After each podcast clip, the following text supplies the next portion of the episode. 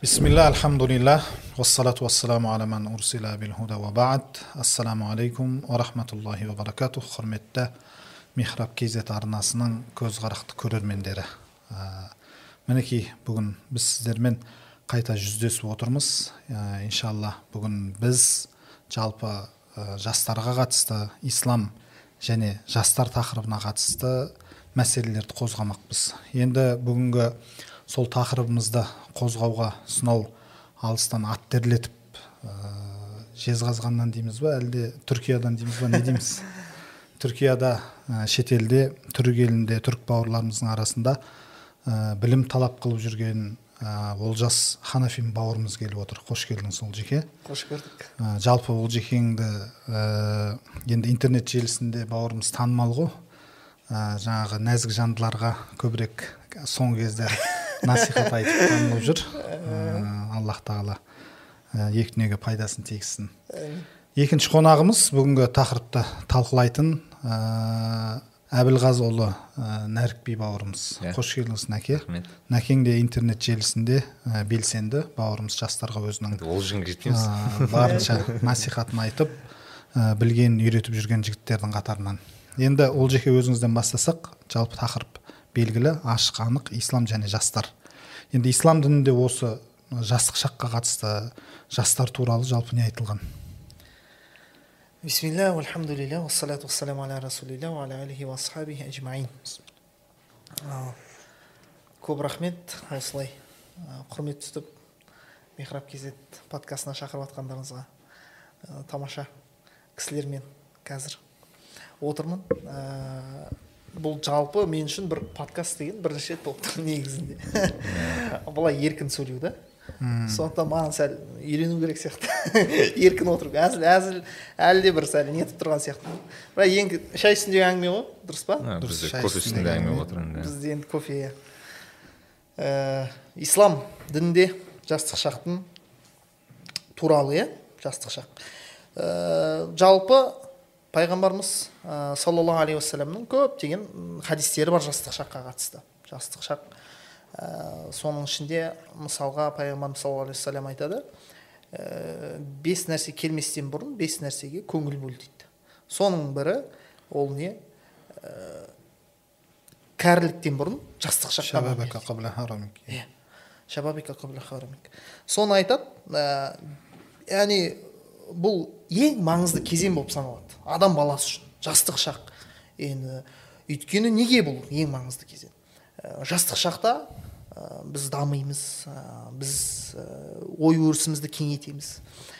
Біздің күш қуатымыз көп болады. Жастың күш қуаты көп болады. Ол энергиясы да күші де кез келген нәрсені істеуге де дайын. Ол мысалға кәрі адаммен салыстыруға келмейді. Кәрі адам ол болды өзінің өмірін сүрді не істейді? Тыныш қана отырғысы келді ал бірақ жастар олар осы уақытта белсенді болады. Сондықтан да бұл жастық шақты адам не нәрсеге жұмсады не қалай өткізді ол өмірін ол маңызды. Біз мұсылманбыз ғой. Мұсылман болғандықтан ә, мұсылманда бұл дүние ғана емес мұсылман үшін не бар? Мәңгі өмір бар. Ол ақыретте бізде келесі дүние деген нәрсе бар. Біз үшін ә, өмірдің аяқталуы ол не емес? Болды. Өр, бітті кеттің емес. Бізде өмір аяқталса ары қарай мәңгі өмір басталады деген түсінік бар. Сондықтан сол мәңгі өміріміз жақсы болу үшін ең қолайлы уақыт болып саналады Негізгі өміріміз, иә. негізгі өміріміз ол жастық шақ болып саналады. Сондықтан да пайғамбарымыз саллаллаху алейхи вассалам айтып отыр не дейді? Кәріліктен бұрын жастық шаққа не істе? Көңіл бөл дейді. Ә, одан кейін басқа бір хадисте ол хадисті де көпшілік жалпы естіп жүрген шығар деп ойлаймын. Ә, алла пайғамбарымыз саллаллаху алейхи уассалам айтады қиямет күнінде ешқандай да бір көлеңке ешқандай да бір көлеңке болмайтын күнде сондай ауыр күн яғни қиямет қайым ақырет күнінде не болады дейді? Ә, аршының ғана көлеңкесі болады дейді. Аршының ғана көлеңкесі. Сол көлеңкенің астында жеті түрлі адам болады дейді. Жеті түрлі. Иә? Соның бірі жастық шағын раббысына құлшылық етуге арнаған адам дейді. Раббысына құлшылық ету. Бізде енді құлшылық. Алла бізді не үшін жаратты? Алла өзі оны құранда айтқан яғни құлшылық ету үшін жараттым дейді адам мен жындарды. Ә, бұл құлшылық деген ұғым өте кең жалпы. Құлшылық ол бес уақыт намаз біз білетініміз бес уақыт намаз бар. Ол ораза бар рамазан айында ол зекет бар ол қажылық бар деген секілді. Және құлшылық ол осы жалпы раббысына құлшылық деген алла разы болатын іске асығып сол мақсатта өмір сүру. Мұсылманның мақсаты не? Мұсылманның мақсаты ол мынау не? Алла тағаланың разылығына жету. Мен өткенде де инстаграмда көрсеңіздер бір видео шығарған едім орыс тілінде шығардым бірақ оны көрейін деп айтып иә, иә, айтып көрдім орыс тілінде. Мен көрдім иә әдемі шықты. Көрдіңіз ба? Иә. Сол кезде айттым яғни айттық ә, тренд деген нәрсені айттық. Тренд не нәрсе ол? Ә, трендте қазір не нәрсе деп та? Мен нағыз тренд деп жазып жібердім. Трендте не, не нәрсе деп сұрадым. А сұрадым деппін ғой ә, қазір трендте не нәрсе? Трендте көбіне сол ә, жастардың арасында ә, қазір енді мақсатқа жету жаңағындай жоспарлау дұрыс өмір сүру сондай нәрселер ғой. Дұрыс оған еш қарсылығым жоқ. Оның бәрі дұрыс әлбетте керек та. Бірақ байқаймын біз өзіміздің бағанағы ақыреттік өмірімізге олай не істемейміз көңіл бөлмейді екенбіз мән бермейді екенбіз да. Яғни мән бергенде қалай ананы анаған мән бермеген мән бергендей дәл солай ақыретке мән береміз яғни жоспарлап бүгін мен алла разылығы үшін не істедім деген секілді алла үшін мен қандай амал жасадым түнде жатарда өз өзін есепке алу деген сияқты сондай нәрселерді ол талқыланбайды да айтылмайды да адам ой, оны ойламайды ал дүниеге келген кезде соны ойлап жүр дүниелік істерді сондықтан жастық шақ ә, кешіріңіздер басқаша келтіруім керек еді. Сондықтан сондықтан алла құранда бізге не нәрсе тренд екенін айтып қойды. Алла не деді? Фафирру илалла деді. Аллаға қарай жүгіріңдер деді. Сіз қашан аллаға қарай жүгіре аласыз? Сіз қашан алланың разылығына кәдімгі жете аласыз? Ол әлбетте жастық шақта. Жас кезде күш бар кезде күш бар кезде біз не істеп қалу керекпіз? Сол алла разы болатын істерді істеуге тырысып әрекет қылуымыз керек. Намаз оқу ораза ұстау. Сен мысалға қазір ораза ұстамасаң сен қашан ұстайсың? Кәрі болған пенсияға шыққанда деп айтады. Үйде отырған жоқ ол кезде шамаң жетпейді. Намазды қазір оқымасаң күшің бар кезде оқымасаң қашан оқисың? Қазір оқу керек. Сондықтан осы күші бар кезде ә, болған уақытты алла тағала өте ә, қатты бағалайды. Егер ол оны алланың разылығы үшін өткізетін болса да. Иә. Алланың разылығы үшін өткізетін болса. Сондықтан біздің трендіміз асылы осы яғни ол аллаға ұмтылу ақыретті ойлау ақыретті ал ақыретті ойлайтын адам әлбетте ол жастық шағын не істейді? Ә, жаңағыдай алла разы болатын істермен толтырады. Сондай солай өмір сүреді дұрыс өмір сүреді. Машалла алла разы болсын. Иә кімнің? Пайғамбарымыз саллаллаху алейхи да ә, төңірегінде осы діннің исламның дамуына көбіне үлес қосқан жастар ғой дұрыс па? Жас Иә. сахабалар. Анас ибн мәлик мысалы. Не жақсы еді қандай жас бала еді деген сияқты ғой енді. Ә, енді ә, нәрік би бауырым жастық шақтың адам өміріндегі маңызы рөлі қандай? Ә, біріншіден ассалаумағалейкум баршаңызға. Ә, шақырып отқандарыңызға көп рахмет. Жалпы өзім шын айтсам өте қуанып та отырмын. Бір жағынан енді бір жауапкершілікті сезініп отырмын. Енді өйткені сіз сияқты енді кісілермен отыру осындай бір студияда отыру өте қуанышты мен үшін өйткені мен енді қаншадан мен онлайн көрдім бұл заттың бәрін сондықтан алла разы болсын. Ыыы енді мен олжеке сияқты енді хадис келтіріп бағанағыдай не сөздерін ғалымдардың сөзін келтіре алмайтын шығармын бірақ ыыы мен көбіне мынау батыс ыыы кітаптарын көп оқығанмын ағылшын тілінде болсын орыс тілінде болсын тағы басқа. Ыыы жастық шақтың адам өмірінде өте өте маңызы зор негізі. Осыған байланысты мен ыыы осы сұрақты ойланған кезде қазір ыыы бір жақсы бір кітап есіме түсті. Мен оны шамамен он тоғыз жасымда оқыдым. Университеттің есімде болса екінші немесе бірінші курсында оқыдым. Мэг джей деп аты мэг джей деген бір кісі бар. Ыыы сол кісінің важные годы деген маңызды жылдар деп аударған кітабы бар. Былай сыртын ашып қарасаңыздар жиырма отыз деген бір сөз жазып бар да. Ол жыл емес жиырма отыз деген. Жиырма отыз деген яғни жиырма мен отыз жыл жас арасындағы өмір деген мағына береді. И және сол кітаптың басты мағынасы мынау. Адамның 20 мен 30 жасындағы арасындағы өмірі ең маңызды жылдар деп келтіреді негізі.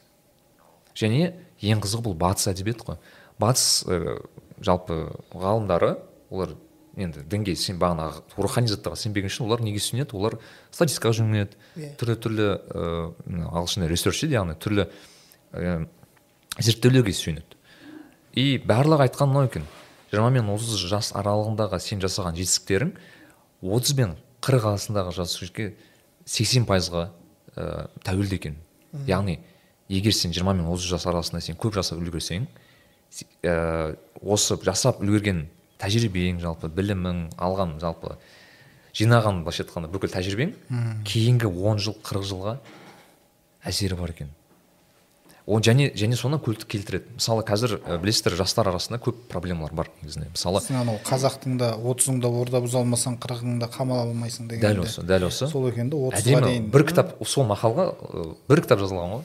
Үлкен. И мен өте қазір енді тыңдармандар көрермендер болса өте сол кітапты оқуға кеңес беремін. Себебі маған мен өйткені он тоғыз жасында оқыдым осы дәл сол жиырма жасқа толып жатқан кезде. И мен сол кітапты оқыған кезде мынандай бір ойға келдім. Мен сонда келесі он жыл мен тек ы, білім алу тәжірибе қорықпай бір нәрсе бағанағы орыс тілінде риск дейді ғой сонда рискқа бару керек бағана бағана қорықпай жұмысты да ауыстыра аласың. Өйткені жиырма мен отыз жыл- жас арасында адам не істей алады? Ол жауапкершілік көп алмайды. Көп адам жігіттер үйленбейді мысалы енді кешірек үйленеді мысалы жиырма бес жасында кейбір үйленіп жатады. Енді үлкен жауапкершілік алып үлгермейді да әлі. Және де ә, екінші мәселе ол ә, оқу болса оқуға түсіп үлгереді. Жұмысты ауыстырып үлгереді. Мысалы бізде үлкен тағы бір мәселелердің бірі жастар өз мамандығымен оқымайды. Мысалы университетке түседі бағанағы он жеті жасында бала негізі біле алмайды кім оқып кім болғысы келетінін. Ол рас зат ол бізде ғана емес жалпы әлемде отқан тірлік. Яғни жиырма мен отыз жас арасында адам біле алмайды екен. Ә, яғни былай біз мектепті шамамен бір он жеті жаста он сегіз жаста бітіреміз. Иә.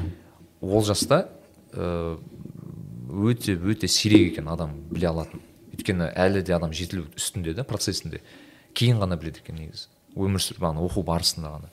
Және де осы жас аралықта келесі он жыл адам баласы өзгеруге екі высшее образование үлгеру алуға мысалы да адам. Үлгереді екен. Сондықтан айтады осы жас аралықта сен егер барынша эффективно дейді ғой яғни барынша тиімді өткізбесең кейінгі отыз бен қырық жас арасы өте қиын болады. Өйткені ол кезде жауапкершілік те көп болады. Мида ондай бағанағы ә, тез жұмыс істей қоймайды. Қанша жас деген иә. өзін алады қанша дегенмен. Сондықтан ә, білім алып жүрген кісілер болса немесе тәжірибе алғысы келетін кісілер болса барынша ерте бастаған дұрыс деп ойлаймын. Шынымен де өйткені мен өз мамандығым жалпы инженер. Инженерлерге жалпы андай да ол мамандық қызық та. Ә, тәжірибе алмасаң ешкім емессің сен. Қанша сен кітап оқы қанша сен білім ал тәжірибеде сен қолданбасаң ол білім құнсыз былайша айтқанда. Ал ол тәжірибені сатып алу мүмкін емес. Тәжірибе тек уақытпен келеді. Сондықтан бізде мысалы бізде компанияда кейбірде жұмыс істейміз. Мысалы мен инженерлердің мысалы мен ә, қазіргі істеп отқан компаниямда 25 жасында тұрдым да. 25 жасында қазір жиырма жетідемін. Ә, және мен менімен бірге жұмысқа тұрған коллегалар шамамен 30 жаста болды. Ең қызығы ә, бәріміздің жұмыс істеу тәжірибеміз бірдей. Алты жыл алты жеті жыл болды. Сонда келіп менен сұрайды нәрікби қалай ол болды? дейді қалай сен екеумізде бірдей тәжірибеміз бірдей бірақ екеуміз жас аралығымыз бес жас дейді а айырмашылық том что мен ә, шамамен 19 жасымда жұмыс істеп бастадым өзім. Яғни университет кезінде. Өйткені бағанағы кітапты оқып алғанмын. Өзі бағана тәжірибе алу маңыздылығын түсіндірді. Мен болды дедім. Қазір енді жұмыс істеу керек тәжірибе алу керек және қазір құдайға шүкір соның жемісін алып жатырмын деп есептеймін да бір жағынан. Сондықтан мен айтарым ыыы өте өте маңызды қазір. Ол және ыыы ислам ғалымдары ғана емес жалпы бүкіл әлем әдебиеттері айтады сол сол жайлы сондықтан өте тиімді өткізуге енді не дейді? Рекомендация беремін дейді да жоқ ә, қазір кімнің нәрікби бауырымыздың айтқанына қарап ойланып отырмын да. Иә. менің өз басым ә, сол 20 мен 30 жас аралығында мен үшін жаңағы кітапқа қатысты кітап оқуға қатысты ең жемісті жылдар болды да. М, иә. А қазір мысалы енді отыздан кетіп жатырық қой қырыққа кетіп жатырық былай отыздан асып. Қазір жаңағыдай да мысалы мына қызмет бар үйдің шаруасы бар анау бар иә мынау бар. өте көп іс бар иә күніге бір бет оқимыз ба оқымаймыз ба кейде ол да жоқ мысалы ал жиырма жас пен отыз жастың арасында мен үшін өте ә, кітап оқуға қатысты білім талап етуге қатысты өте жемісті жылдар болды да. алла разы болсын нәрікби бауырым. Енді ә, олжас бауыр мынау жастық шағында өзінің даналығымен ерекшелігімен танылған ә, қандай тұлғалар бар? Қандай тұлғаларды атап айта аласыз енді ислам несінде тарихында ондай тұлғалар өте көп. Оны Иә. енді біз қазір он алты жасында полководец болған иә сахабалар бар дейсіз ғой. сахабалар әскерді бастап әскер әскер бастаған. Бастап оның бірі мысалға ә, кім болған? Усама ибн заид болған. Усама ибн заид. Ә, сахаба алла ол кісіге разы болсын. Сол сахабаны мысалға жақсы деп жаңағы пайғамбарымыз саллаллаху алейхи өзі оны жаңағыдай әскер қолбасшысы дейміз ғой иә? Әскер қолбасшысы болып тағайындап кеткендіктен абу бәкір өзі халифалық тұсында не істейді? Жаңағы өзі атқа отырғызып оны кәдімгідей жүргізеді патша. Пайғамбарымыз қойып, қойып кеткен да сондай ә, мысалы ә, константинопольді алсақ. Ә, константинопольда кезінде енді ата бабаларымызда константинопольді ә, мұхаммед әл фатих қай жылы алды? А қай жасында алды? 21 жасында алды. 18 жасында. Таққа отырып 21 жасында. Соны алып отыр. Мысалы енді кәдімгі өзіміздің қазағымызда қазақтарымызда кезінде не болған? 13 жасында отау иесі болған мысалы. 13 жасында үйленіп кәдімгі отбасына қарап отырған еркектердің бірі болған. Ә, мусаб ибн омейр сахаба. Ол сахаба ә, небары 17-18 жасында болған кезінде алла елшісі алла алланың игілігі мен сәлемі болсын ол кісіні исламға шақыруға мединеге жібереді. Мединеге. Сол мединеге барып жас бала бөтен ел ешкімді танымайды ешкімді білмейді. Бөтен ел бөтен жер ғой енді. Иә. сол жерге келіп исламды насихаттай бастайды әркімге. Құран арқылы. Енді ол кезде негізгі ә, не пайғамбарымыз саллаллаху алейхи кезінде негізгі дағуат дейміз ғой жаңағы аллаға шақыру ислам дініне иманға шақырудың негізгі нәрсесі не болған? Құран. Ол әлі де солай ғой бірақ арабтар үшін ол басқаша болды да. Өйткені олар а, тілді сондай жетік меңгерді араб тілін сондай білді. Оларды осы құран кәрім оларды не істеді? Ә, әлсіз қылып тастады. Олар құран секілді сөз шығара алмады. Олар құранды естіген кезде бұл адамның сөзі емес екенін бірден түсінетін болды. Сенбесе де бірақ олар мойындайтын. Бұл адамның сөзі емес дейді. Біледі өйткені адам қалай сөйлейтінін. Арабша әсіресе қалай сөйлейтінін біледі да. Сол құранмен оқып жас бала не істеді? Мединенің жартысынан көбін қаншама отбасы жүздеген отбасылар үйлерменен кәдімгідей не істеді? Исламды қабылдады. Оның ішінде мысалы кім бар сахаба умар ибн жоқ хусейн усайд усайд усайд деген усайд деген сахаба бар алла ол кісіге разы болсын сол кісі сол мусабтың құранын естігенінен содан әсерленіп не істеген яғни бұл олар біз сияқты әсерленбейді ғой біз қазір енді арабшаны ондай дәрежеде білмегендіктен біз мүмкін тек дауысына ғана әсерленуіміз мүмкінбіз да ал олар кәдімгідей ана иә. мағынасы жүректерін тесіп өтетін болған да и алланың сөзі екенін түсінетін болған. Сөйтіп олар соны несе ә, усайд ибн ә, усайд соны ә, жаңағындай қабылдаған ислам дінін. Өзі де сосын сол құран оқып ә, ары қарай исламға шақырған. Оның қолында да ол да жас оның қолында да былай не істеген адамдар исламды қабылдаған. Бұл жастар не? Жалпы ислам дініне үлес қосқан негізі жастар ғой. Ислам дінінің пайғамбарымыз саллаллаху алейhi қасында қызметінде жүргеннің баршасының жас, баршасы жастар болған көпшілігі. Ал не істемеген ә, иман келтірмегендердің көбісі кім болды? Ол қария кісілер болды. Әбден анау имансыздық сіңіп кеткен да қатып қалған қатып қалған. Болды. Қайтқысы келмейді одан. Тіпті мойындап тұрса да қайтқысы келмейді бітті. Ал жастар керісінше көбісі не істеп жатты қабылдап жатты да қабылдап жатты. Енді үлгі ретінде мен адамға негізі көзі көріп жүрген адамдар м, не болады андай үлгі болады дейміз ба? Сондай болады. Иә. мысалға ә, мен үлгі ретінде енді жас ретінде жас адам ретінде мысалға ә, кім бар біздің? Олжекен бауырымыз бар. Абу хурайра деп аккаунты бар. Бейсенәлі олжас. Бейсенәлі олжас. Бейсенәлі олжас бауырымыз. Сол кісіні мысалға мен сіздер инстаграмын білсеңіздер кіріп көріңіздер. Үлгі ретінде көрсетер едім да. Ол бауырымыз 12 жастан бастап оқыған. Әлі де оқып келе жатыр. Әлі де іздену үстінде. Әлі де оқиды талпынады былайша айтқанда үлгі ретінде да. Өйткені мысалға біз бұрынғы ғалымдарды айтсақ адамдар бір сказка естіп жатқандай болады да. Мысалы имам науи бар. Имам науи бала кезінен не болған? Сондай э, алла енді жаратқан ғой сондай ерекше қылып үлкен ғұлама ғалым ғой. Жас кезінен ә, ілімге деген талпынысы жоғары болған. Ойнамайтын болған балалармен. Тіпті мен құран жаттағым келеді деп жаңағыдай балалармен ойнамайтын болған да.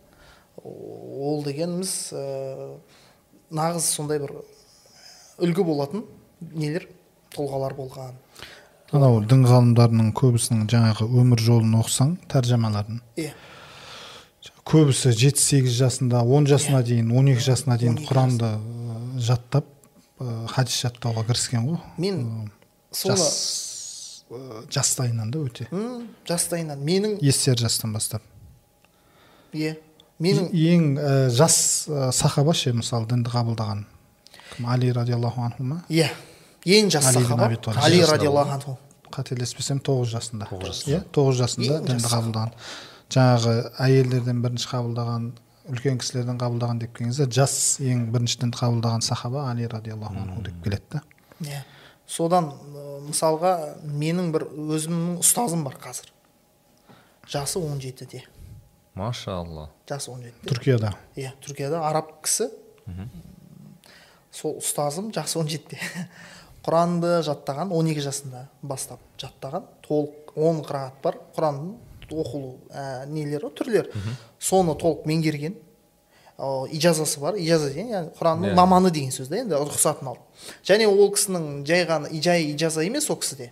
Ол кісі өзі бөлек ижаза бере алады. Сондай ижаза алған да өзі жеке шәкірт тәрбиелеп шәкіртке ижаза бере алады. Яғни сол құранның маманына маманы деп біреуге айта алады деңгейі өте жоғары болып тұр ғой сондай. Тәрбиелеп жаңағы оқытып сен міне болды сен енді құранның маманысың деп біреуге де сондай не бере алады. Рұқсат. рұқсат бере алады рұқсат бере алады. Және ол кісінің енді жаттамаған несі жоқ құдай өзі бір зейін беріп қойған. Оны біздің ұстазымыз байқап медресеге келгенде өзі айтып береді. Ыыы, жаттатқызған ол бауырымыз енді жаттамаған нелері жоқ шариғат ілімдеріне қатысты. Өзі шариғат Мәтіндер. ілімдерінде мәтіндер болады да мәтіндер. Өлең шумақпен болады. Мысалға ханафи мазхабында бір бес мыңдық ә, бәйт бар. Ә, фих фих жинақталған да ішінде фихи мәселелер намаз ораза зекет сауда дейміз ба неке талақ мәселесі бес мың қатардан тұрады. Бес мың қатардан тұрады ойлаңыз. Соны жаттап тастаған. Біз мысалы фихи мәселе егер сұрақ қалсақ аяқ астынан мысалы сабақ үстінде да сол кісіден ол кісі сол бәйтпен жауап береді да. Ананы еске түсіреді да бұл мәселеде жауабы былай дейді. Анау не бар еді ғой шейхтардың ұстаздардың ә, тарғиб жасап қызықтырып айтатын жаңағы мән хафизал мутун хазал фунун ба еді қандай еді? Иә.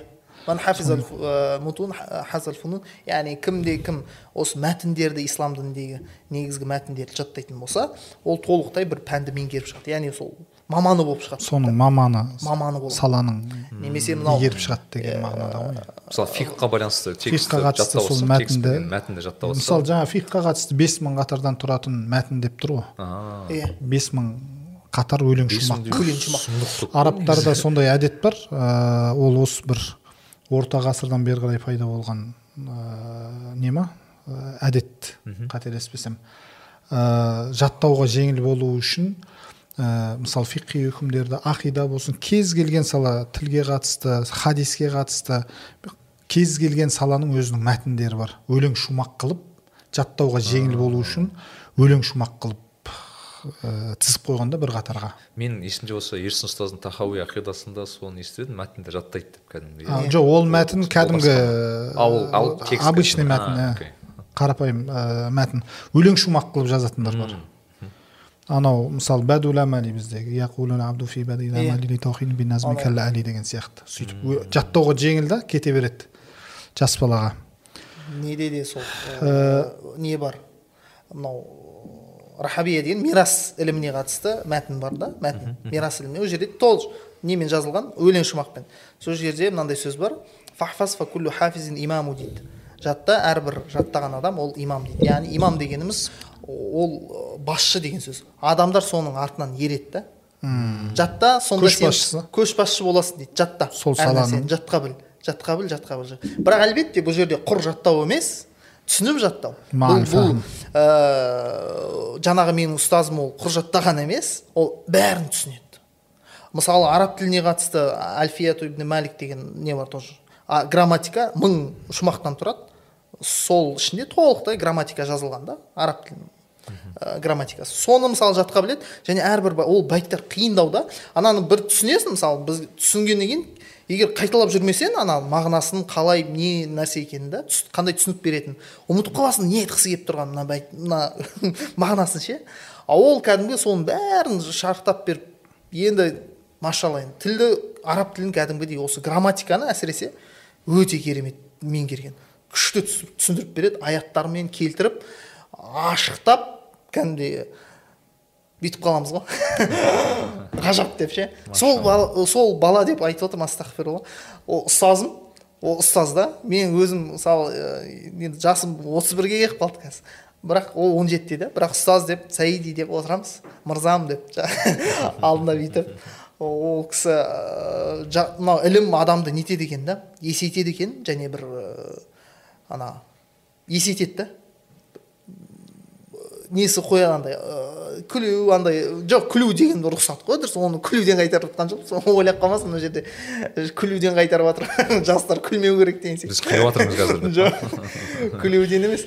Жаңа бұл- ол кісі мысалы сабақ беріп жатқанда ә, беріп жатыр да ә, бір Сал- сөз салмақтылық бар деп иә салмақтылық бар. А, байсалдылық байсалдылық салмақтылық болады екен да. Бір шәкірт бір күлкілі жауап айтты да. Соған біз бәріміз күліп күліп жібердік та бәріміз. Мына жерде мен отызда басқа ана кісі тұрды да «Ля дағия ли дахик» дейді бізге. Маған күлетін еш нәрсе жоқ бұл жерде не күлесіңдер деп ше бізге біз ана үлкенбіз. Енді бұның бәрі ілімнің несі да? Ә, жаңағы әсері да әсері. Оқыған әлі де оқиды.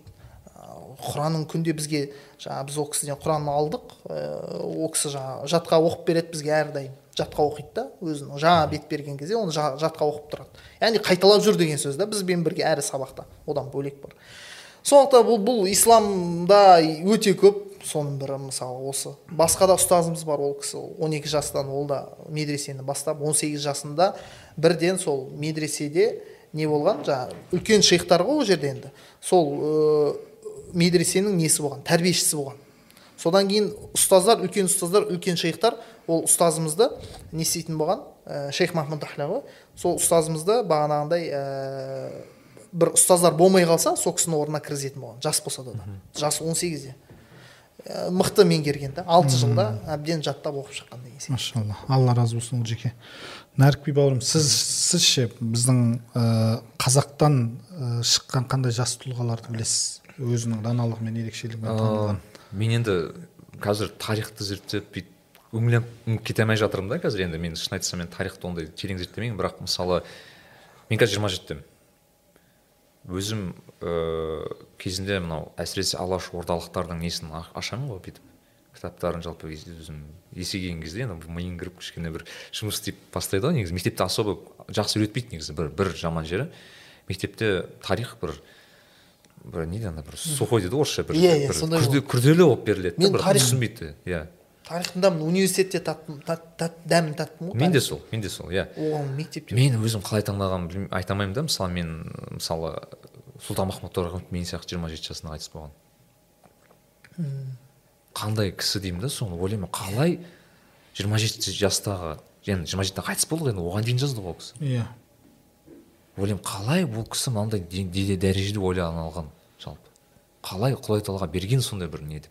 Таңқаласың да. Шын айтайын өзімді сөгетінмін сол үшін кейде. Себебі енді кейде жассың ғой бір не енді қалай айтсам енді тиімді уақытыңды өткізбеген кезде ойланасың енді іштей субханалла мен не істеп жүрмін дейсің да мына ол кісілер несі мен қайдам ол кісілер қайда деген сияқты. Әрине заман басқа.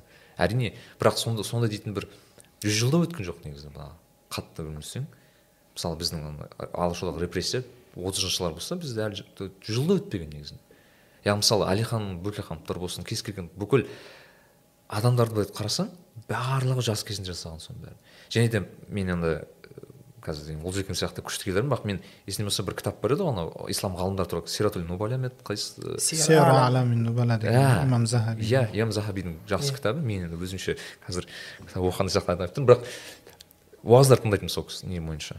Өте қызық екен жалпы. Иә. Иә. Керемет. мен енді ислам толиб емеспін қазір енді иә мен. Бірақ шынымен де көзқарасым өзгереді екен. Өйткені мен бір мысалы ш, ә, білмеймін бір шейхтың енді бір үлкен бір ғалымның өмірін өмірбаянын ба- қалай бастайды айтады.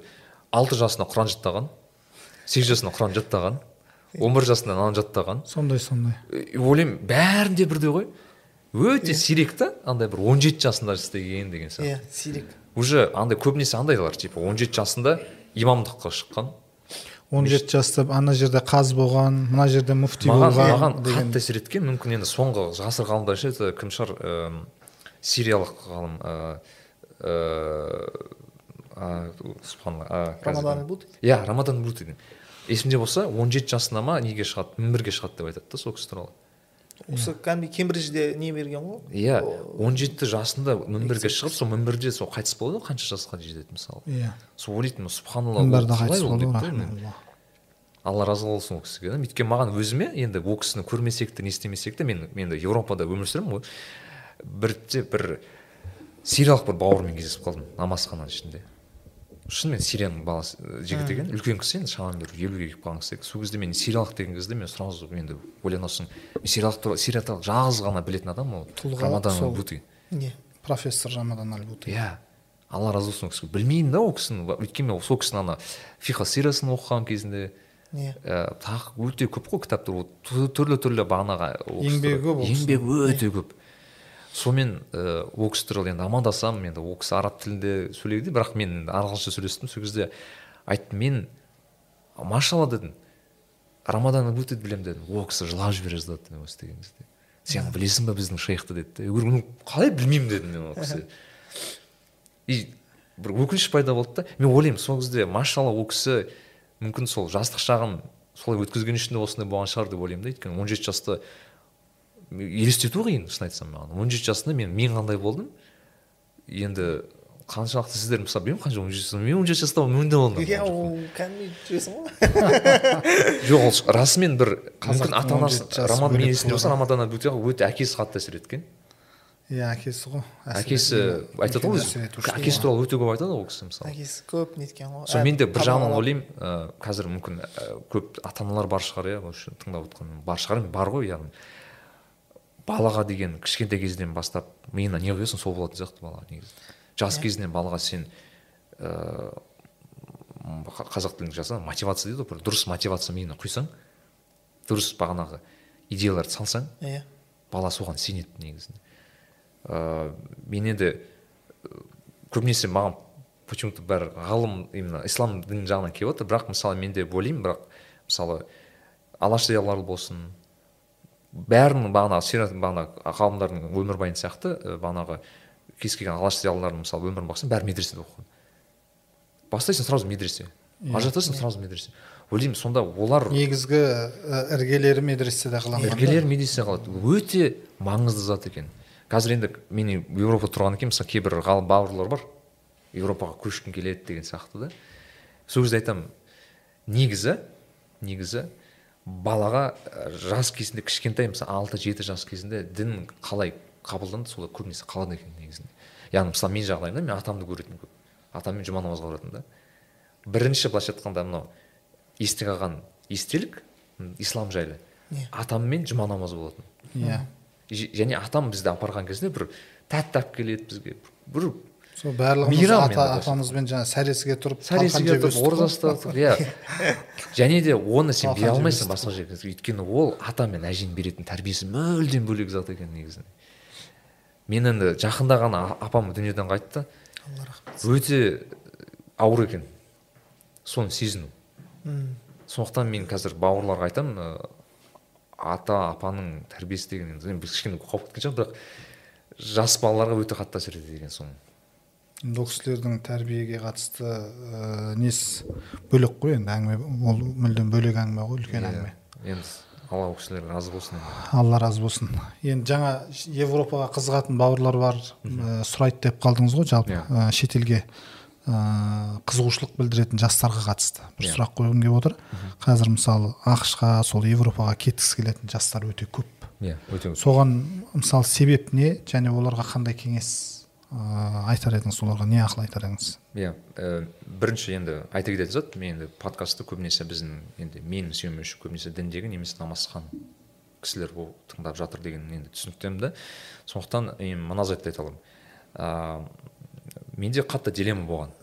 Дилемма дегенде мен бару керекпін ба керек емеспін ба деген. М. өйткені қанша дегенмен ә, анализ жасап көрдіңіз. иә ойлан, ойланасың. Өйткені менің с- сенімім бар да сен бір затты бермей бір затты ала алмайсың негізінде. Ол құрбандық керек дейсіз ғой қайткен күнде де құрбандық болады бір зат.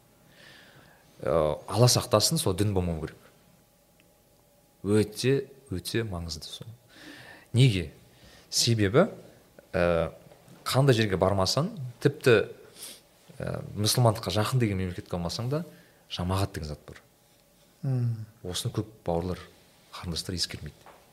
Жамағаттың берекесін ешкім бере алмайды саған қандай сен енді онша емес мемлекетте өмір сүр онша емес дейді сен ұнатпайтын қалада өмір сүр бірақ жамағат болса береке бар. Болды. Алла тағала айтқан енді несі, несі да ол? Жамағатта береке бар. Болды.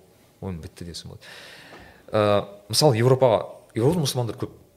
Жамағат болғанда барып бір ә, сол діни ортаға кіру ғой діни Иә. орта құру деген иә сияқты әрине. бірақ ма- оған маған қазір енді бауырлар айтуы мүмкін америкада тұратын. Ол жақта жамағат бар жоқ емес. Мұсылмандар өте көп. Бірақ ыыы біріншіден сен ол жамағатқа кіре аласың ба деген сұрақ. Сіңісе аласың ба? Мен мысалы бұған мен жұма намазға барасың ә, мысалы мен түрік тілін кішкене білсем де бір тоғыз енді судыратып бағанағы ы, түрік ағайындар уағыз оқыды мен түсінбеймін. Қанша тырыссам да. Және мысалы от, мен ә, нидерланд мемлекетте өмір сүремін. Нидерландта ә, кейде голланд тілінде оқиды. Уағызды ә, кейде ағылшын тілінде оқиды. Бірақ қандай уағыз мықты уағыз келмесін жай ғана біздің ауылдағы мешіттің имамның қазақша айтқан уағызы маған қайда көп өтеді негізі. Все таки ана тіл не деген бар ғой? Басқаша басқаша қабылданады екен. Қандай сен не болмаса өйткені сөз сөзге өтеді жүрекке өтеді негізінде. Соны мен түсіндім. Ә, енді бауырларға айтатын болсақ біз ә, енді мен точно айта алмай кім айтқан бірақ есімде болса ерсін ұстаздың бір сөзі болатын сол. Жалпы бір бауыр сұрағанда ә, жалпы көшеге бола ма хижрет жасап бола ма деген. Яғни Иә. мұсылман адамға мұсылман емес мемлекетке хижрет жасаса бола ма деп. Сол кезде ерсін ұстаз негізі болмайды деген. Есімде болса. Мен шатассам енді алла кешіресіздер енді иә бірақ мен ойландым сол кезде неге бұл ана іште бір конфликт болды «Ей, неге олай деген сияқты. Себеп не? Себебін іздей бастайсың өзіңе бір оправдание іздей бастайсың ана негізі болады ғой деген сияқты. Бірақ мен бір зат түсіндім уже көшкеннен кейін. Негізі ә, бір мемлекетке баратын болсаңыз нақты мақсат болу керек. Нақты мақсат болу керек. Мысалы олжекеңнің жағдайында сіз білім алып жүрсіз мысалы да. Бірақ сіз мемлекет тіпті ә, мұсылман мемлекетте тұрсыз да бірақ и то сізде мақсат бар. Дұрыс қой. Европа мемлекеттеріне немесе батыс елдеріне тіпті азия мемлекеттеріне барсаңыз да міндетті түрде мақсат болу керек деп есептеймін. Жоспармен жоспармен бару керексің. Яғни сен бір адам болып келдім қандай адам қайтамын деген. Сұрақты нақты жауап бере алуың керексің. Мен кетер кезде сол сұраққа өзімді қойдым. Ә, мақсатты айқындадым. Кейін барғанда шықтым. И ә, бізде бір кейбір бауырлар бар ғой ол жақта мысалы. Енді қаншалықты дінге онша жақын адамды айта алмаймын енді қанша дегенмен бірақ ә, қалғым келеді дейтін де балалар бар. Ол өтірік зат емес. Өйткені жақсы өмір көреді. Бәрі бағана коррупция жоқ жолдар таза ауа таза бүкіл жер күшті. Енді өздерінде енді Иә. сказка болып жүр да енді былайша айтқанда. Бірақ ол бауырлар түс- басқа затты алмастырып отқанын түсінбейді да. Жамағаттың біріншіден жоқ екен туысқан туған жоқ екен. Мысалы ойлап қараңызшы мысалы бір бауырды алайық енді мысал ретінде да бір бауыр көшті деп өтейік. Үйленген бала әйелі бар ә, өмір сүре бастайды баласы туылады. Мысалы баласы туылады қандай мемлекет болмасын батыс мемлекет батыс елдер деп айтайық иә. Иә. Ә, бала кішкентай кезден діни тәрбие алу керек. Қанша дегенмен иә. Біріншіден қаяқтан көреді. Әке шешесінен ата анасынан көреді иә дұрыс қой. Намазға тұрғанын көреді бағанағы ата атасынан апасынан көреді. Енді бұл жағдайда көбінесе ата апа жоқ. Өйткені елде қалады көбінесе олар. Яғни оған кішкентай балаға дінді алу несі? Екі ақ адам болып тұр да. Иә. Ә, ана ата анасы ғана енді ә, барлық адамдардың ата анасы қаншалықты дұрыс жеткізе алады балаға дін, дінді ше? Ол да бар. Ақлақ ақлақ дейді ғой Иә. мінезі қаншалықты дұрыс бала? Дінді дұрыс қабылдай ма деген сұрақ. Өйткені алты жастан бастап бала бағанағы ә, тәрбиені уже үйден емес сырттан ала бастайды. Иә. Осы жерде проблема басталады. Проблема басталады. Проблема көбінесе осы жерде басталады. Ол қандай білім алады ол жерде өйткені ә, түрлі түрлі діндер дін өкілдерін дін емес діннен мүлдем алыс өкілдерді көре бастаған кезде бала шынымен де ағылшынша identity деген сөз бар да идентичность шатаса бастайды мен кіммін? деген сұраққа жауап беру керек. Өйткені менде шын айтсам маған кішкентай кезде алты жастан сен кіммін? десе менде мұсылманмын деген ол автоматом шығатын сөз да. Е мен мұсылманмын өйткені атам айтатын кімсің? Мұсылмансың қай жерден білесің? Әлімсақтан бері мұсылмансың болды миыңа құйып тастаған сен болды сен ана виндовс установка қойған сияқты болды сен өмірде өшіре алмайсың сен оны иә. А ол балаға дұрыс құймасаң ол балада не арабша шәк дей ма не күмән. күмән пайда болады. Иә мен кіммін? жалпы. Сен қазақсың ал и кейін пайда болуы мүмкін да мен қазақ мұсылман болды ма болмады ма деген сұрақ. И негізінде адам андай да бір затқа сенсе оған бір адам бір затқа сенсе міндетті оған оған дәлел тауып алады. Мысалы бір адам шығуы мүмкін. Қазақ мұсылман болмаған деген сияқты. Вот міндетті түрде оған бір дәлел тауып алады. Қай жерден болмасын. Сен мың қырық оған дәлел берсең де ол өзінің дәлелін табады сондай бір мидың жұмыс істеу құбылысы сондай да миға қандай сен ақпарат құй оған бірнәрсе қылып бір тауып береді саған. Қызық жұмыс істейді да негізі. Алла тағала қызық жаратқан да негізі миды. Сондықтан ә, ол бала енді діни тәрбиені алу керек. Қай жақтан алады оны? Медреседен алу керек. Ол қандай медресе болады? Қай тілде алады ол? Қаншалықты дұрыс тәрбие береді? Қай масхатта береді? Деген сияқты. Яғни бағанағы ұстаздың харам деп айтқан сөзі мен сол кезде түсіндім. Ладно мен мұсылман адам ретінде қазақстанда өмір сүрдім өз елімде өмір сүрдім діни, діни бір мағлұматым бар бір жігіт екенмін. Бірақ мен көшкен кезде ол бала ол білімді мен балама бере алмаймын қанша дегенмен қанша тырыссам да. Оны орта беру керек оны мешіт беру керек оны бағанағы медреселер беру керек. Ал оны сен қаяқтан табасың деген сұрақ пайда болады. Бала қоғам орта ә, өзінің әсерін бермей қоймайды ғой бәрібір. Одан одан бұрын ә, туысқандық қарым қатынас деген зат бар. Иә. Бала туысқанның кімнің ағайынын білу керек? Кімнің туысқан екенін білу керек?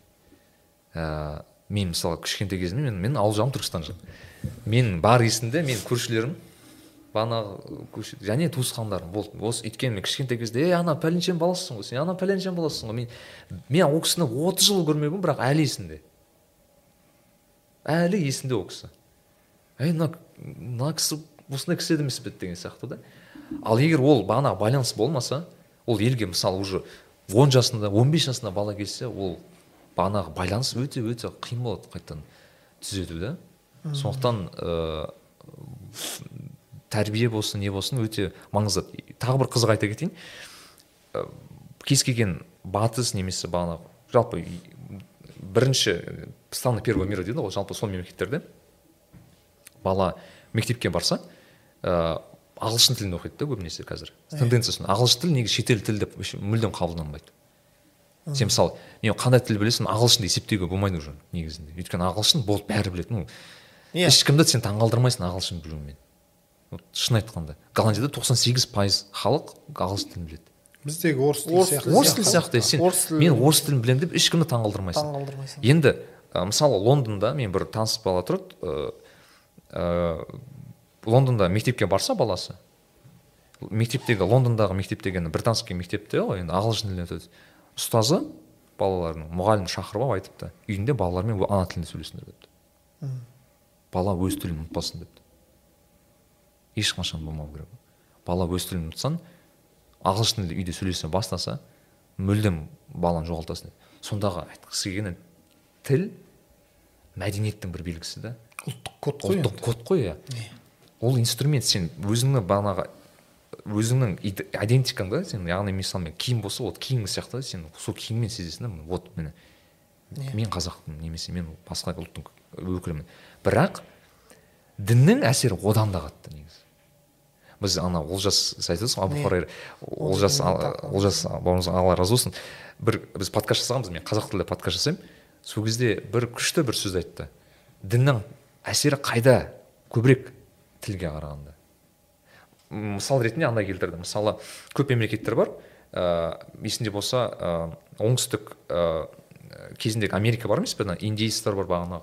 Ол кісілердің тілдері бір болыпты да діндері әртүрлі болыпты бірақ біріге алмаған. Ал мысалы грек мемлекеттер немесе кезіндегі византия болсын рим мемлекеттерін алса тілдер бәрінің әртүрлі болған діндер бір болған. Өте алып мемлекет болған біріге алған. Сондай мәселе да. сондықтан діннің бұл жердегі ә, несі қайда жоғары да?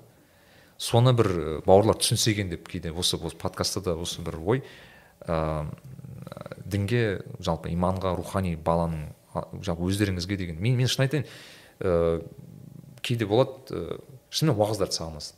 Иә сіз маған бір рет жаздыңыз ғой иә инстаграмда. қатты сағынасың күнә жайлы айтқанмын сөйтіп. Сағынып қалыппын деп иә өйткені әсерлі болды.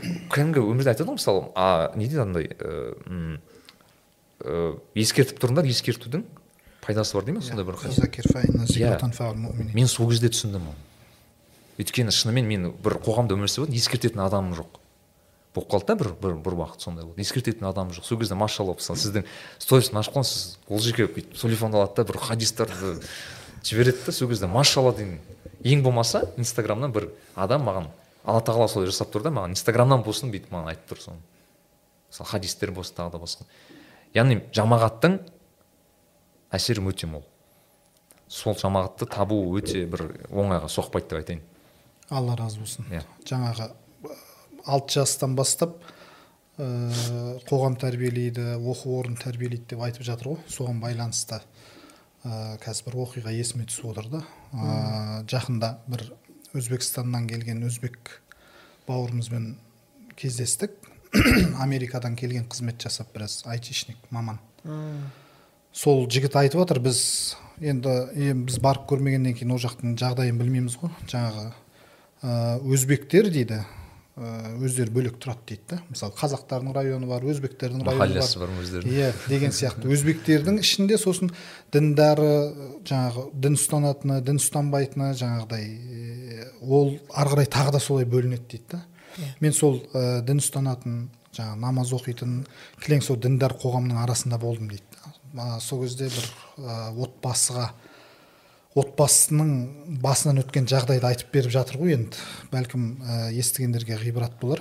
Ә, сол отбасы қанша жылдан бері қызмет қылған бала шағасы сол жақта өскен өздері намаз оқиды әйелі орамалда хиджабта Иә. ә, әлгі отбасының. Ә, бірақ қазір қатты бармағын шайнап ә, енді өкінген өкініш пайда бермейді бірақ қатты өкініп жатыр дейді да америкаға барғандарына. Ә, сол қара нан мен қара суымызды ішсек өзіміздің елімізде жүре бергеніміз дұрыс еді бұндай жағдайға түскеннен гөрі деп. Неге? Себебі сол ә, сол жаққа жастайынан барған ә, қызметке кірген ә, олар енді осы жақта ә, ислами діни ортада өскеннен кейін ә, олар діни тәлім тәрбие өзінің діні, дінін дәстүрін осы жақтан сіңіріп кетті ғой енді олар. Өздері. Барғаннан кейін сол жақта балалы болған бала шағасы өскен жаңағы алты жасынан бастап оқу орнына барған. Ә, енді бала кәмелет жасқа толған кезде өзінің ұстанымын білдірте бастады дейді да. Ә, лгбт ның ұйымына кіріп кеткен екен да балалары. Ә, намаз оқитын кісілердің әйелі орамалда. Енді ол деген сөз ә, діндеріне мықты берік деген мағынаны білдіреді ғой. Дұрыс па? Соның өзінде бұлар ә, тәрбиесіне ә, бұлардың ықпалынан гөрі ата ананың ықпалынан гөрі жаңағы ортаның оқу орнының ықпалы басымырақ түскендігіне дәлел ғой енді бұл нәрсе. Ә, сонымен енді ол баласын кейін ә, жаңағыдай тура жолға ә, жаңағы дұрыс бағыт бағдар көрсетейін деп енді арасында ұрысқан айқайлаған енді қол көтерген де шығар. Бірақ ә, жаңағы адамның құқығын қорғау орында не мекемелерге барып баласы әкесінің үстінен шағымданған да. Иә. Әкесінің үстінен шағымданған.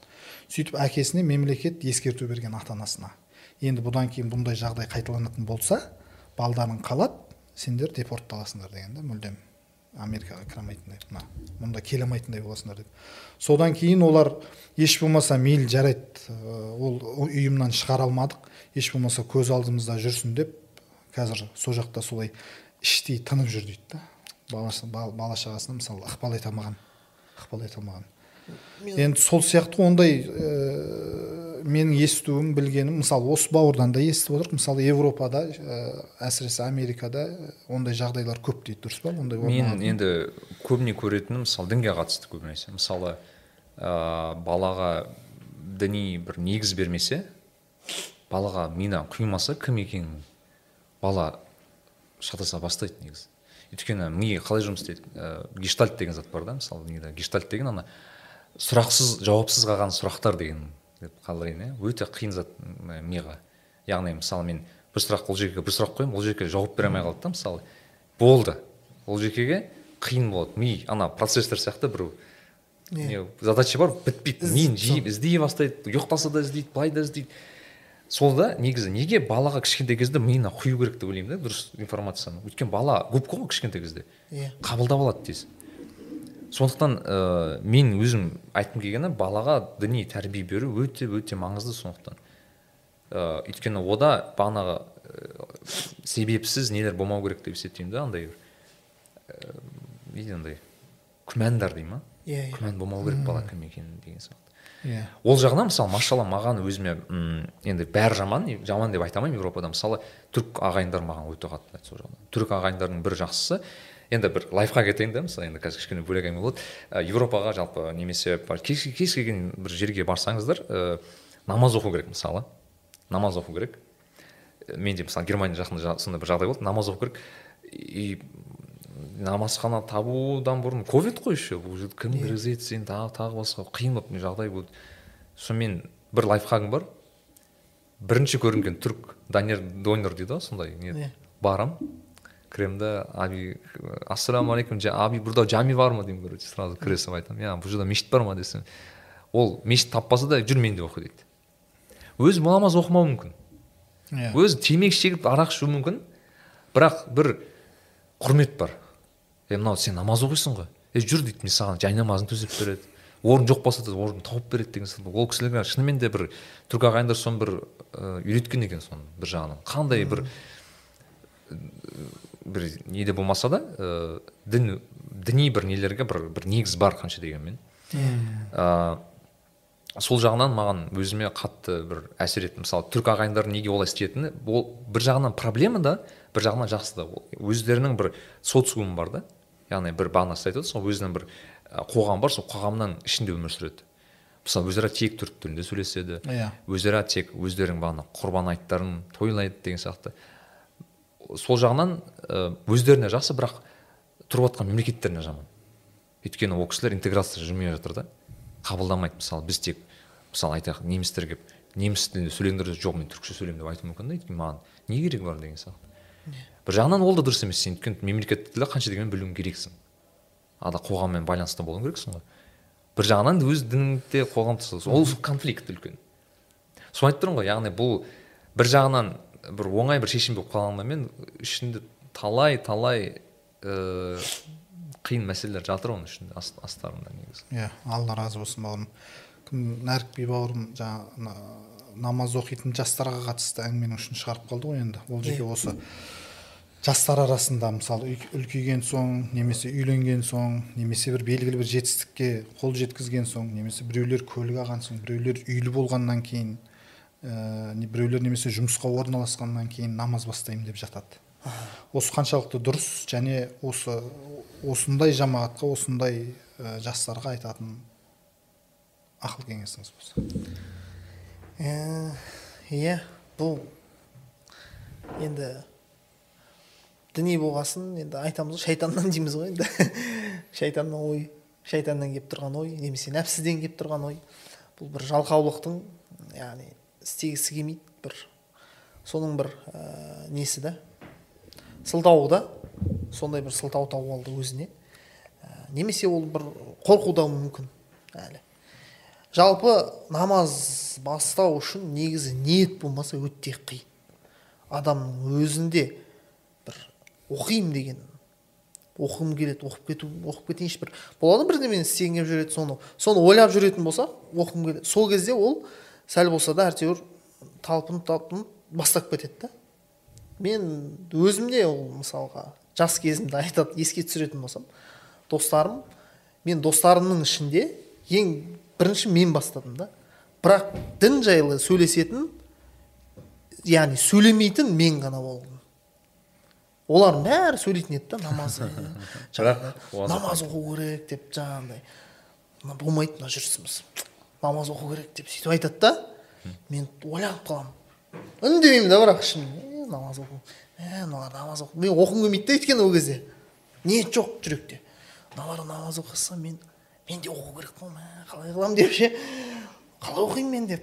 Оқығым келмейді мен қазір бұлар оқып кетсе бірақ сөйтіп солай басылып қалатын тоқтап қалатын әңгіме ол қайтадан бастайды қайтадан бірақ соның ішінде мен алла өзі ниет берді да бір аяқ асты мен ораза ұстаймын дедім сонымен ұстап бастап сөйтіп оқуда намазды да бастау керек деп намазды да артынша не істеп кеттім оқып кеттім ниет яғни ниет болмаса қиын екен негізі ше сол ниет ә, ең бірінші нәрсе сондықтан алла тағала ондай ә, кісілерге жалпы намаз оқымай жүрген кісілерге не нәсіп етсін? Алла осыны ниет нәсіп етсін. Яғни бір яғни талпыныс намаз оқыс хидаят берсін былайша айтқанда. Ал бұл нәрсе бұл сылтау ғана болып саналады негізінде. Ол жай ғана өзінің оқысы келмей тұрған нәрсесін осындай нәрселермен ақтап алып жатыр. Жаңағыдай кейін жұмысқа орналасқасын. Ол керісінше қазір осындай жұмысы жоқ кезде ә, от, жаңа отбасылы дедіңіз ғой иә? Отбасылы емес кезде оқи алмай жүрген болса бес ақ уақыт намазды. Бес ақ уақыт қой негізі. Бес уақыт емес ол. Ол негізі бес ақ уақыт. та ол. Бес ақ әрқайсысына он минуттан кетеді. Жарайды он бес минуттан кетеді дейік егер грубо айтсақ та он оның өзі он бесте болмайды. Он минуттан болады ғой әрқайсысы негізі оқып шығасың болды. Елу минут мысалға да? жарайды ал бір сағат дейікші бес уақыт намаз. Иә. Сондай көп уақыт кетпейді. Ыыы, ол бір мүмкін емес сияқты көрінеді негізінде ше басында. Қалай мен дәрет аламын басқа деген сияқты қиын болып көрінеді да.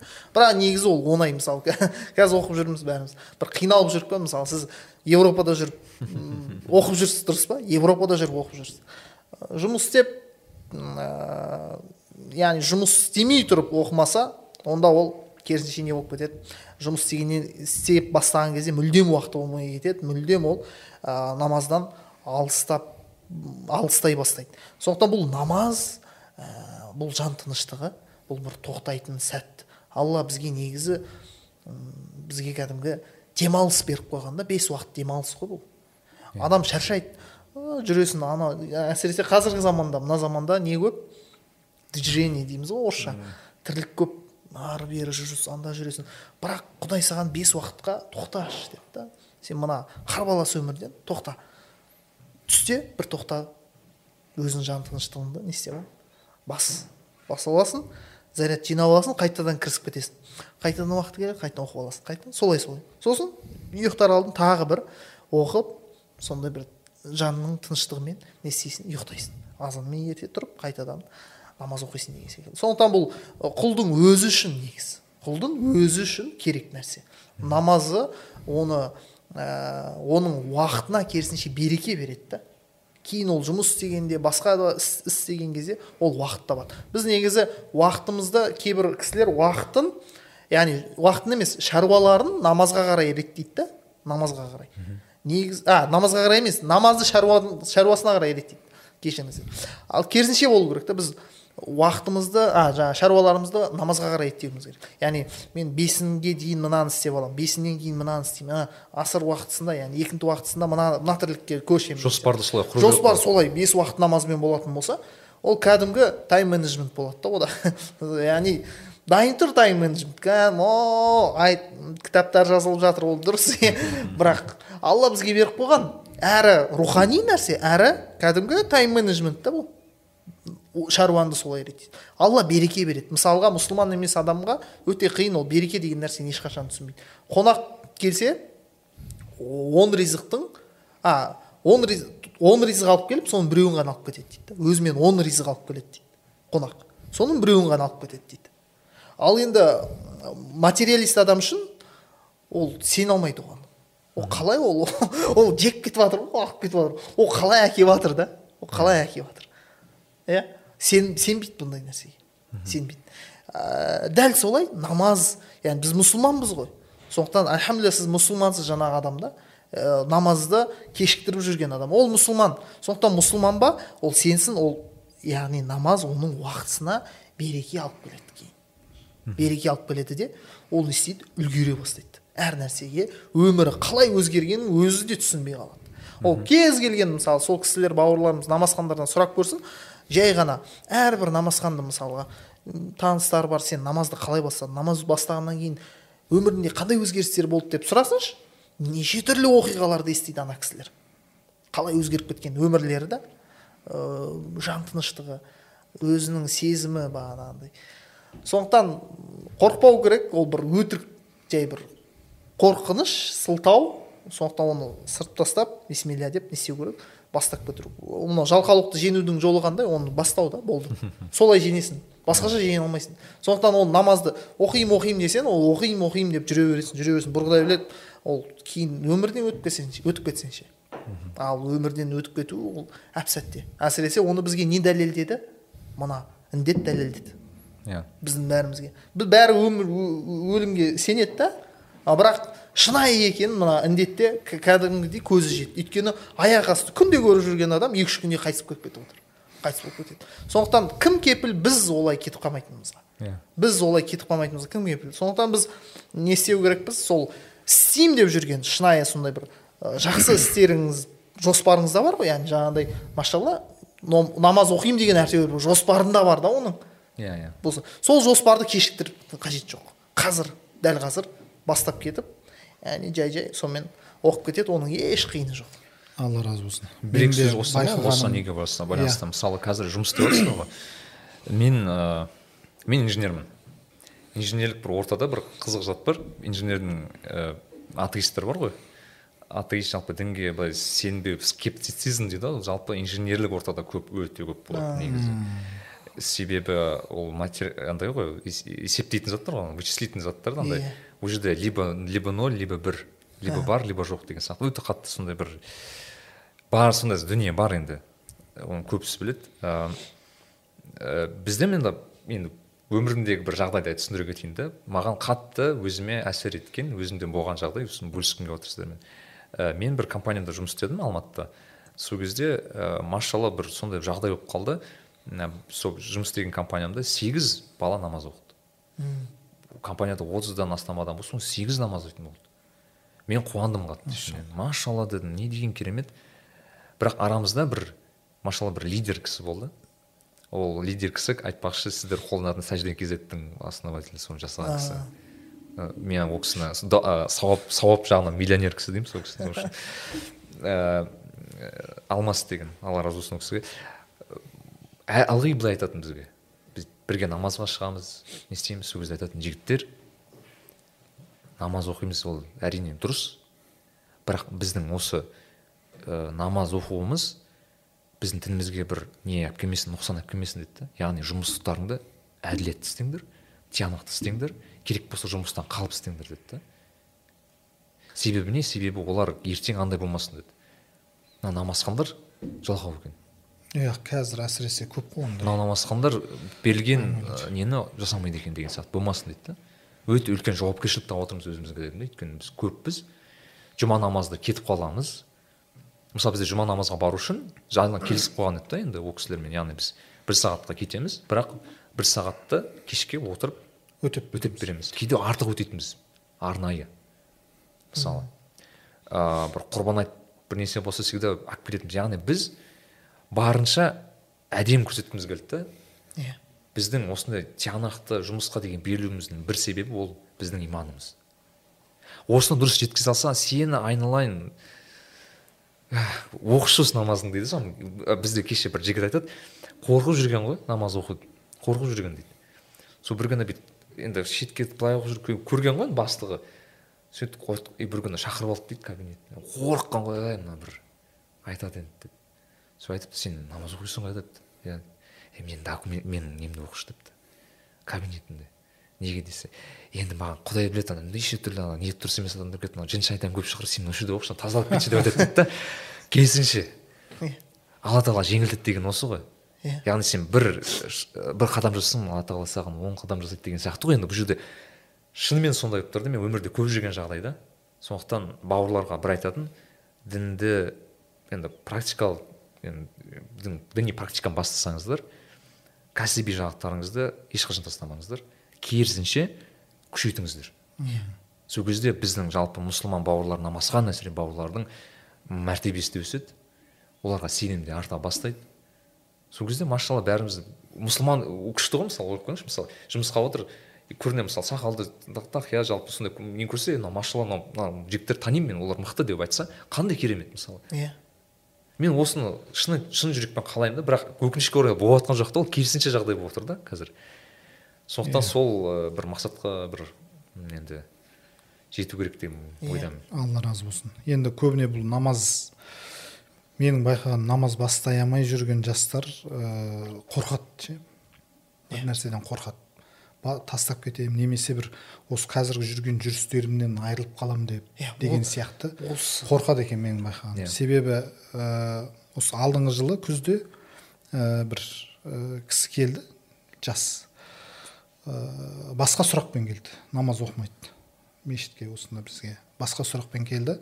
Сөйтіп мен оның ең жеңіл жолы оның шешілетін намаз оқыды бес уақыт. Құлшылыққа жай намазға тұрды. Намаз оқып намаздан кейін құдайдан сұрасайшы дедім да иә. Құдайдан сұра. Ол мен сенің мәселеңді шешіп бере алмаймын. Құдай шешіп береді. Алла тағала шешіп береді. Енді ол қашан шешіп береді? Қашан сен өзіңді сол құдайға арнасаң құдайдың назары саған түссе сол кезде сен дұғаңды жазсаң сол кезде дұғаң қабыл болады. Сол арқылы шешіледі болды қысқаша. Иә. Менен бір лайфхак болсын деген сияқты. Сол кісі мысалы Иә. альхамдулилля бірден оны оны мазалап жүр. Оның жақын арада намаз бастайтын ә, жоспарында жоқ екен намаз бастау. Бірақ содан кейін ол бірден «О, мына сүре мына сүре екі сүре екі дұғаны жаттайсың болды осымен баста анау кітап нені ашып миыңды ашытпа оны оңай бастау керек иә мен байқадым. кітапты нені ашып оның миыңды ашытпа мына екі нәр мына екі сүременен екі дұғаны жатта жаңағы ә, міндетті жаттау керек болған дұғаларды соны жатта болды осымен бастап кет ары қарай қалған жайлап реттеле береді өзі. Туралана береді деп едім үш күннен кейін алланың қалауымен намаз бастап кетті ғой. Сол әлі күнге дейін мысалы ә, дінге қатысты сұрақтарын сұрап тұрады мысалы. Жазып мынау қалай болады мынау қандай менің намазға бастағаным сол сияқты. Мен айт- айта кетейін. Мен намазды өзім ыыы шамамен оныншы класста бастадым. ә, мен айтайын дегенім Аха. ә, сөзімді тәмамдай салайын. Біздің жастарға жастардың көбісінде сол бір қорқыныш сезім бар да. Иә. сол бір как барьер сияқты тұрып қалған да былай. Ә, тосқауыл болып тұр сол. Осыны бұзып өтіп бірден мысалы намазға ниет қылып жүрген бірақ қорқып жүрген жастарға айтарым тұрып кету керек сияқты. Азында тұрып мысалы бүгін мынау біздің подкаст естіді ма таңертең мысалы жай намаз жайып дәретін алып бірден намаз бастап кетсе оған уже ары қарай жеңіл болады деп ойлаймын да. Иә. Сөзіңізге бір қоса кетергім келген мен намазды шамамен бір оныншы класста бастадым. Оныншы сыныпта бастадым. Ыыы өте шын айтсам оңай болмады. Себебі ыыы ата анам оқымады туысқандарым оқымады ата апам ол кезінде ауылда өйтіп оқиды. Өте оңай болмады да бір екі кісі ғана болды. И менде осы сіз айтқан дилемма болды да өзім жеке өткен тәжірибемнен. Оқимын деймін и ми шайтан салады да неше түрлі ой нәрікпей ол қиын ертең проблема басталады тағы тағы уәсуас дейді өте көп салады сол кезде мен машалла бір алла тағала бір хидаят берді былай айттым нәрікби қиын екенін білемін ішімнен айтайын өзіме айтып отырмын ғой. Бірақ басташы оңайынан басташы ең оңай қайсысы дедім. Бірінші намаз қандай бүйтіп қараймын таң намазы дейді. Е оның өзін бастап көру керек қой дедім. Мен бір намаз ғана оқитынмын күнде таңда ғана оқитынмын да. Иә. Үйрету үшін өзімді. Өйткені біліп тұрмын да бесеуін бірден бастасам маған өте қиын болады и мен қанша уақыт білмеймін бір екі үш ай точно тек таңға тұрып жүрдім. Таңға үйреткім келді да мен таңертең тұру деген осы деп. Бір күні алла тағала өзі жүрегімді ашады екен. Иә. Айтарсың мен неге бір ақ уақыт оқимын? Оңай екен ғой мынау. Бесеуін бірден оқиық деген сияқты. Просто мен бауырлардан бір байқайтыным мысалы кейде намаз бастап жатады да маған мысалы қалай мына келіп енді бір ортада намаз оқитын болсаң бір сондай бір қызық ы, мәселе. Саған келіп бір имам сияқты сұрап кетеді да сұрақтарды. Бір қиын бір фихтың мәселелерін там. Мен енді ол жеке сіздерге жібергім келеді да мынау сұрасайшы ұстаздардан деген сияқты. Бірақ ол кісілерге оңай түсіріп беретін адам керек та өз ортасынан.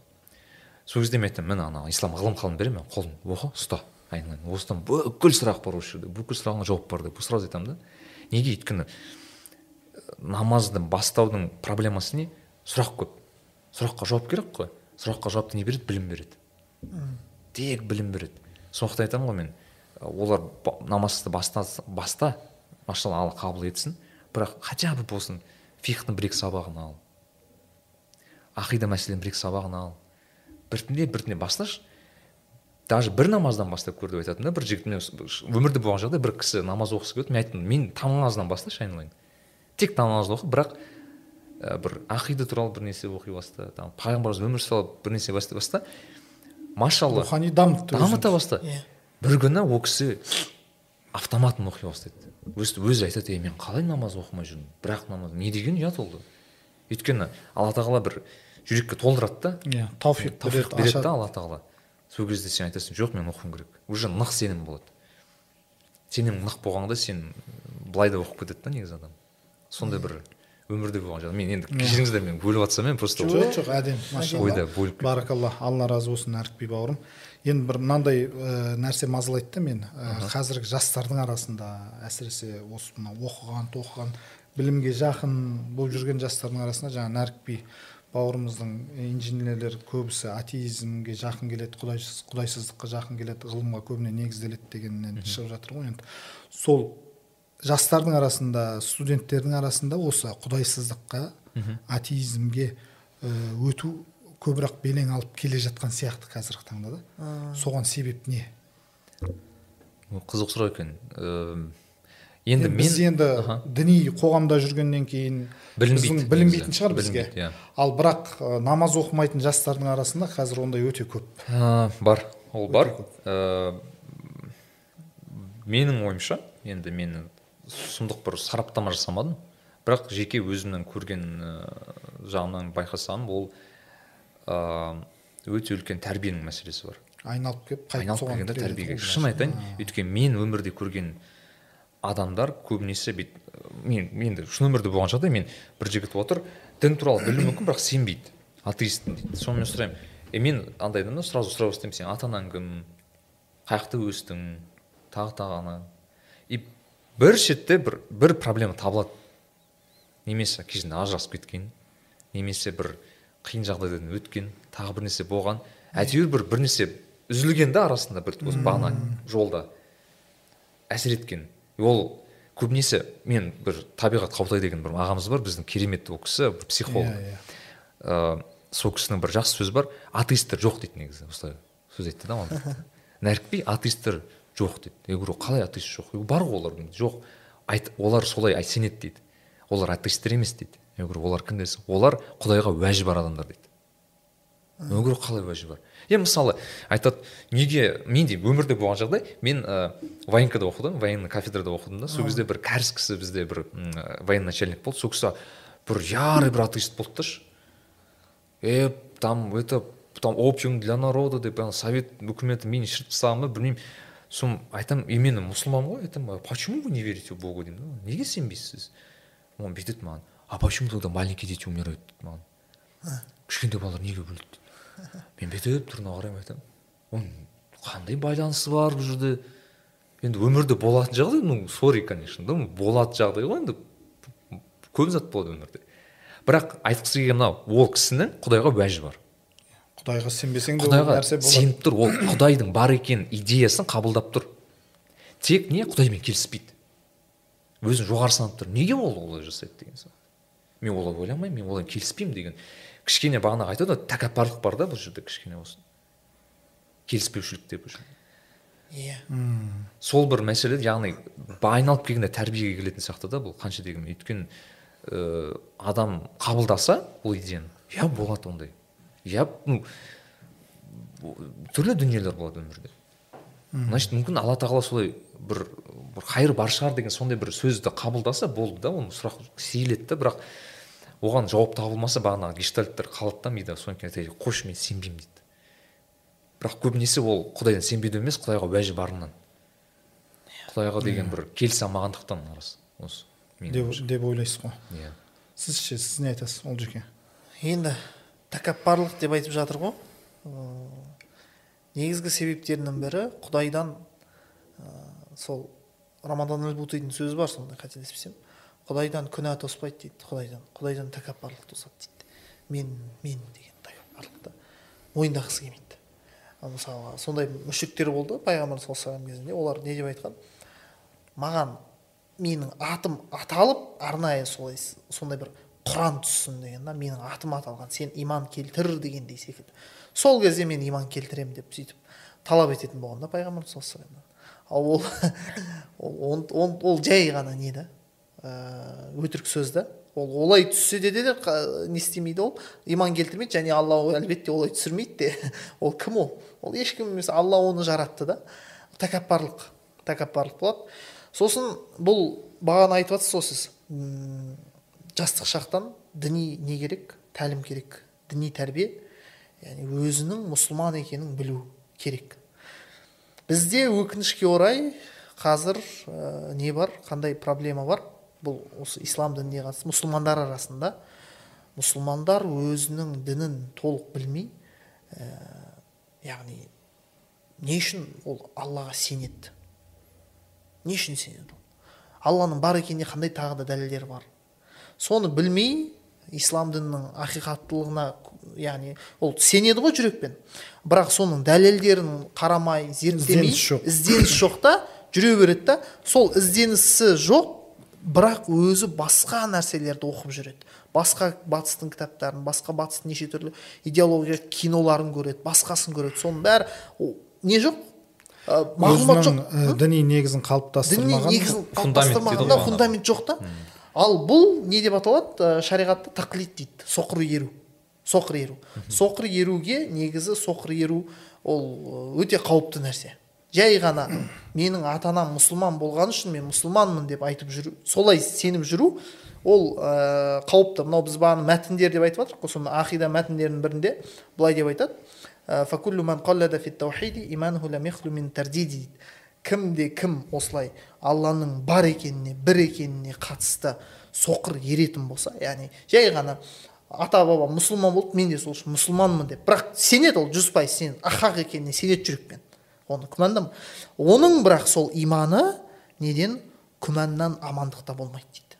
Яғни оның сол сенімін жаңағы жүрегіндегі кішкентай ғана сенімін кез келген біреу адам бір екі ауыз сөзбен не істей салуы мүмкін бұзып тастауы мүмкін. Иә. Осы себеп. Зет- а? Сол сол себепті ғой деймін. Бізде мысалы ә, қасиетті шариғатымызда ә, парыз білімдер бар ғой парыз. Айым білімдердің ең басында тұратын осы иман мәселесінде илахият бабына қатысты аллах тағаланың белгілі бір деңгейде сипаттарымен танысу иә. Иә. ә, білу деген секілді. Алланың барлығын бірлігін бүкіл жақсылық жамандықтан алладан болатындығын деген сияқты. Оның өзін біз бертін келе осынау дін оқуына түскеннен кейін үйреніп жүрдік қой. Мысалы жаңағы өзіңіз айтқандай иманда ә, тақлид қылдық Иә, жоқ соқыр еру деген енді ә, білмеймін енді. Бірақ мен жалпы еру ердік Иә. жүрдік та бір дәлел талап етпей еріп яғни сол үшін дәлелді талап иә Иә, дәлел дәлелді талап етпей яғни өзіміз ізденбей не үшін мен ол, ол нәрсеге сеніп жүрмін деп сұрақ қоймай өзімізге солай жүрдік деген сияқты. Негізсіз еру деп негізсіз деп Иә. айтсақ иә болады. негіз негізсіз Иә. еру дәлелсіз ешқандай мағлұмат ақпарат жоқ. Жаңа олжас бауырымыз айтқандай ата бабам мұсылман болғаннан кейін мен де өзімді мұсылман есептеймін деп айтуға былайша айтқан кезде. Иә. ол негізі бізде матруди медресесінде ондай иман бір дұрыс бірақ күнә болып есептеледі да. Яғни ол мұсылман деп есептеуге болады. Есептейміз. болады оны қабыл етіледі ол. Қабыл етіледі. иманды болып есептеледі бірақ ол сол не үшін не себепті Білмегені үшін қылды, білмегендігі үшін ол күнәһар болып есептеледі. Күнәһар мұсылман болып аси. Мен осы Ә, дәлелдерін- сейілттіңіз да мен өйткені көп адаммен сұрасам мұсылманмын десең анау бір тоже ана ерсін ұстаздың бір сөзі бар еді. Анау ә, бізде мұсылмансың ба? десем иә десем «Қа- не үшін мұсылмансың? десем мен піштірілгенде жауап берген дейді бір кісілер. иә күлкілі мен соны ойлайтынмын мына Сон- кісі мынау қаншалықты дұрыс мынау вообще. Ол құдайдың барлығына қарапайым дәлелдер бар. Ол қарапайым болғанымен ол негізі күшті дәлелдер да сол ақли дәлелдер иә мысалы. ақли. Фанзур иля нафсика дейді. Өзіңе қара. Өз өзіңе қара. Сосын қалай жаратылдың сен? Қарашы қолың барлығы мына мына жерде схема кетіп жатыр ғой кәдімгідей іште. Қандай жүй- не не не істеп жатыр жаңағы қан жүріп жатыр. Мына бауыр иә қателеспесем бауыр жұмыс істемей қалуы бауыр қаншама жұмыс істейді оны біз көріп жүрміз қазір. Бауыры істемей қалған кісілер қандай аппаратта жатады? Ол бір аппарат бауырдың қызметін бір бауырдың қызметін бір үлкен аппарат аппарат атқарып жатыр да ап- атқарған күннің өзінде зорға атқарып жатыр атқара алмайды ол. Ол қиналып жатыр да ана адам да Иә. ал біз қазір сезіп жатырмыз ба оның бір атқарып жатқанын түк сезіп жатқан жоқпыз. Осындай система жүйе кетіп жатыр да. Бұның барлығы иә? Одан кейін сен неге қара дейді? Ә, сен жоғары әлемге қара төменгі әлемге аспанға қара жерге қара. Қалай жаратылды бұның барлығы? Қандай жаратылыс? Керемет та сен ол кезде нені көресің? Осының барлығына зей мән беріп қарағаннан кейін сен сондай ерек яғни ұлы жаратушы бар екенін көресің. Ілімі бар. Барлығын білетін дана жаратушы бар екенін көресің әр нәрсені өз орнымен жаратып қойғаныңда барлығын біздің жаңағы бауырды сезбеуіміз кемшілік жоқ. кемшілік жоқ мүлдем мұрын мен ауызды бірдей қойып қойған өйткені тамақ ішкенде иісті сезу керек та. Құлақ өз орнымен Үйлесімді барлығы. үйлесімділік. Енді осының барлығы құдайдың бар екеніне ғана не болады? Дәлел болады. Дәлел. Ол анау біреу із ізін қойса мысалы біреу жүрсе ізі қалады ғой. Сол іздің иесі бар екеніне дәлел ғой. Иә. сол сияқты бұл әлем өткендігіне. бұл әлем осы біз адамдар құдайдың бар екенінің біз дәл, әл, несіміз? Дәлелі яғни белгісіміз біз. Арабша айтқанда тікелей аударсақ белгісі. Біз негізі бүкіл жаратылыс ол құдайдың бар екенінің белгісі болып саналады анау бір арабша сөз бар еді ғой «Мән арафа нафсаху, арафа раббаху» Иә. кімде кім өзімен танысса өзін жақсы білсе зерттесе мынау жаңа олжас бауырымыз айтып отыр ғой қандай механизм адамның іші қандай жүйе кетіп жатқан соны біліп көзін жеткізсе онда ол шын шынайы раббысын табады дейді да. Иә. яғни оның артында біреу тұр да. Иә. Ол бұл өздігімен емес мысалы өздігімен пайда болған нәрсе емес. Қарапайым мынау айфонды қалай айтасыз? Ақымақ дейді ғой. Сіз қазір мынау өзінен өзі салбырап түсті десең мысалы. Шыға келді десең. жақында бір күш- күшті бір осы әңгіме болды. бір досым айтып қалды. М намазхан жігіт өзі бір түрлі бизнестермен айналысады IT саласында тоже инженер болған жігіт. Мәскеуде оқыған. Мәскеуде ә, инженерлік мгу да ма инженерлік факультетте өте сондай бір бағанағы осындай бір дінге мүлдем бір несі жоқ енді қатысы жоқ бір жерде оқыған енді. Соны айтады дінге қалай келген қызық. Ә, инженерлік факультеттерде бір искусственный интеллект жасанды интеллект деген не бар қазір? Ең поп- популяр тема да. Яғни ол не? Ол бағанағы сіз ол қиын болып да қазір ойбай ол бір компьютер робот. Жоқ мысалы сіз инстаграмды ашасыз ғой. Сізге пост болады ғой. Анау стористар посттар соның бәрі искусственный интеллект негізі. Қандай постты беретінін инстаграм өзі шешеді. Иә сіз никак шешпейсіз ол жерде инстаграм алгоритмдер береді да? Сол мысалы ис- жасанды интеллект. Сол жасанды интеллекттің курсын бастаған кезде ана жігіт айтады «Ин- интеллект деген не- ә, мен жасанды интеллект қой мен айтып а мен оны бастау үшін интеллекттің не екенін түсінуім керекпін дейді да жалпы. Интеллект деген сөз қайдан пайда болған ол вообще? А интеллект деген ең высший интеллект не? Адамның интеллекті. Иә и ол бала короче нені есеп био- биологияны ақтара бастайды да интеллектің қалай жұмыс істейтінін.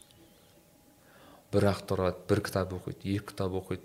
Ана бала жарылады ғой басы айтады біз даже мүмкін емес мынау мүмкін емес мынаны құдай жаратпаған қалай ол дейді?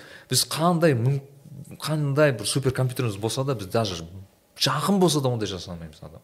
Мүмкін емес ол деп айтады дейді. Соны бір қатты өзіне дәлел дәлел болғанда соны айтады қызық дейді да ол. Инженерлік факультетте оқимын олар наоборот мен атеист қылғысы келеді мен наоборот мұсылман қылып жүреді дейді да. құдай тағала қалай хидаят береді деймін да кейде. Иә. иә.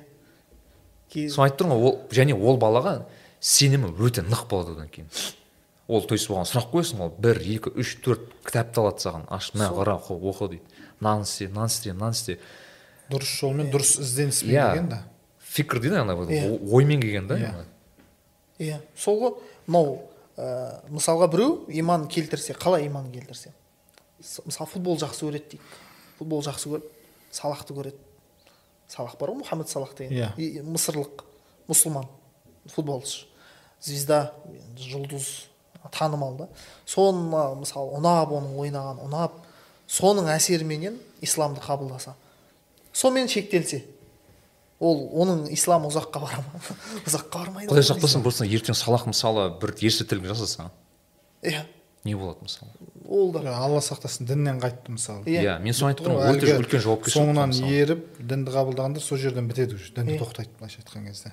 Бұның сол ә, дінсіздіктің себебінде тағы бір себептердің бірі ол ә, жаңағыдай дінсіз адамдарды өзіне бір ә, кумир ретінде дейміз ғой жаңағы. Иә. үлгі тұтып алады да.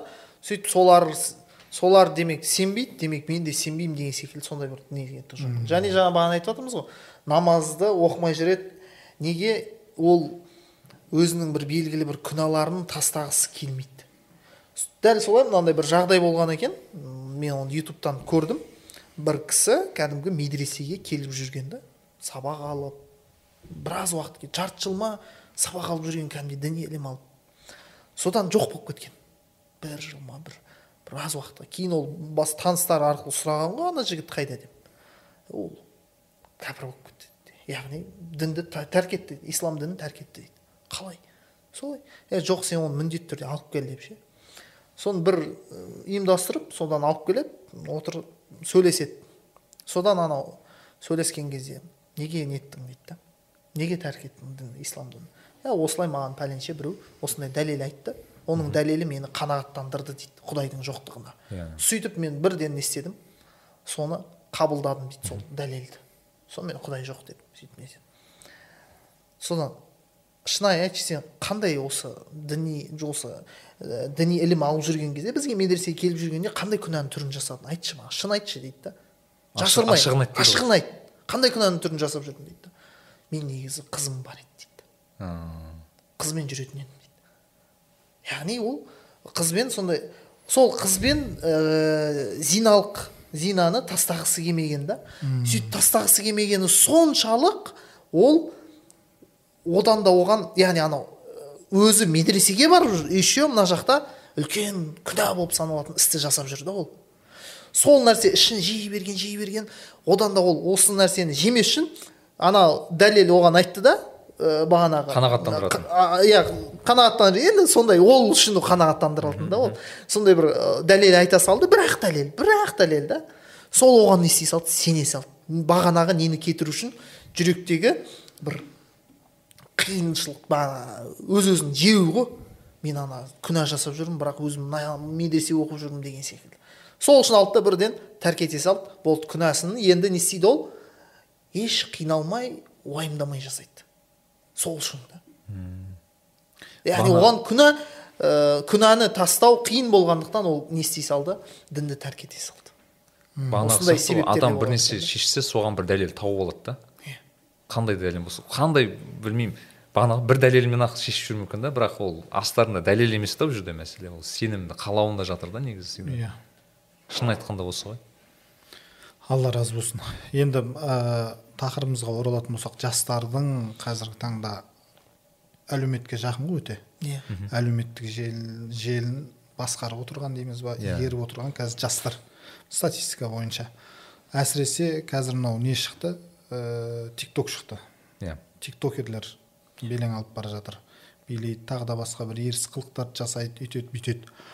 Ә, тиктоктың дәурені жүріп тұр ғой былайша айтқан кезде. Осының ә, осы әлеуметтік желі осы тикток сияқты және тағы да басқа сондай ә, қосымшалар мысалы жастардың ой өрісіне қаншалықты әсер етеді? Жастарға психологиясына ой өрісіне қаншалықты пайда қаншалықты зиян? Бұл тик дұрыс қолданса дұрыс қолданбаса деген сияқты мысалы иә тик ток кәдімгі негізі біздің елде қатты екен ше? Кәдімгідей нетіп кеткен. Дамып кеткен. орыстармен бізде ш- иә. бізде ғой дейміз ғой. кәдімгідей. Мысалға мен түркияда стамбулда мен келіншегім байқап қалды да. Мен бірақ байқамаппын өзім. Бірақ келіншегім байқап жаңағындай дворда ә, кішкентай қыздар 12-13 жасар кәдімгідей қысқа киініп тик ток түсіріп жүр да бәрі дворда қойып қойып қойып қояды соткасын билейді.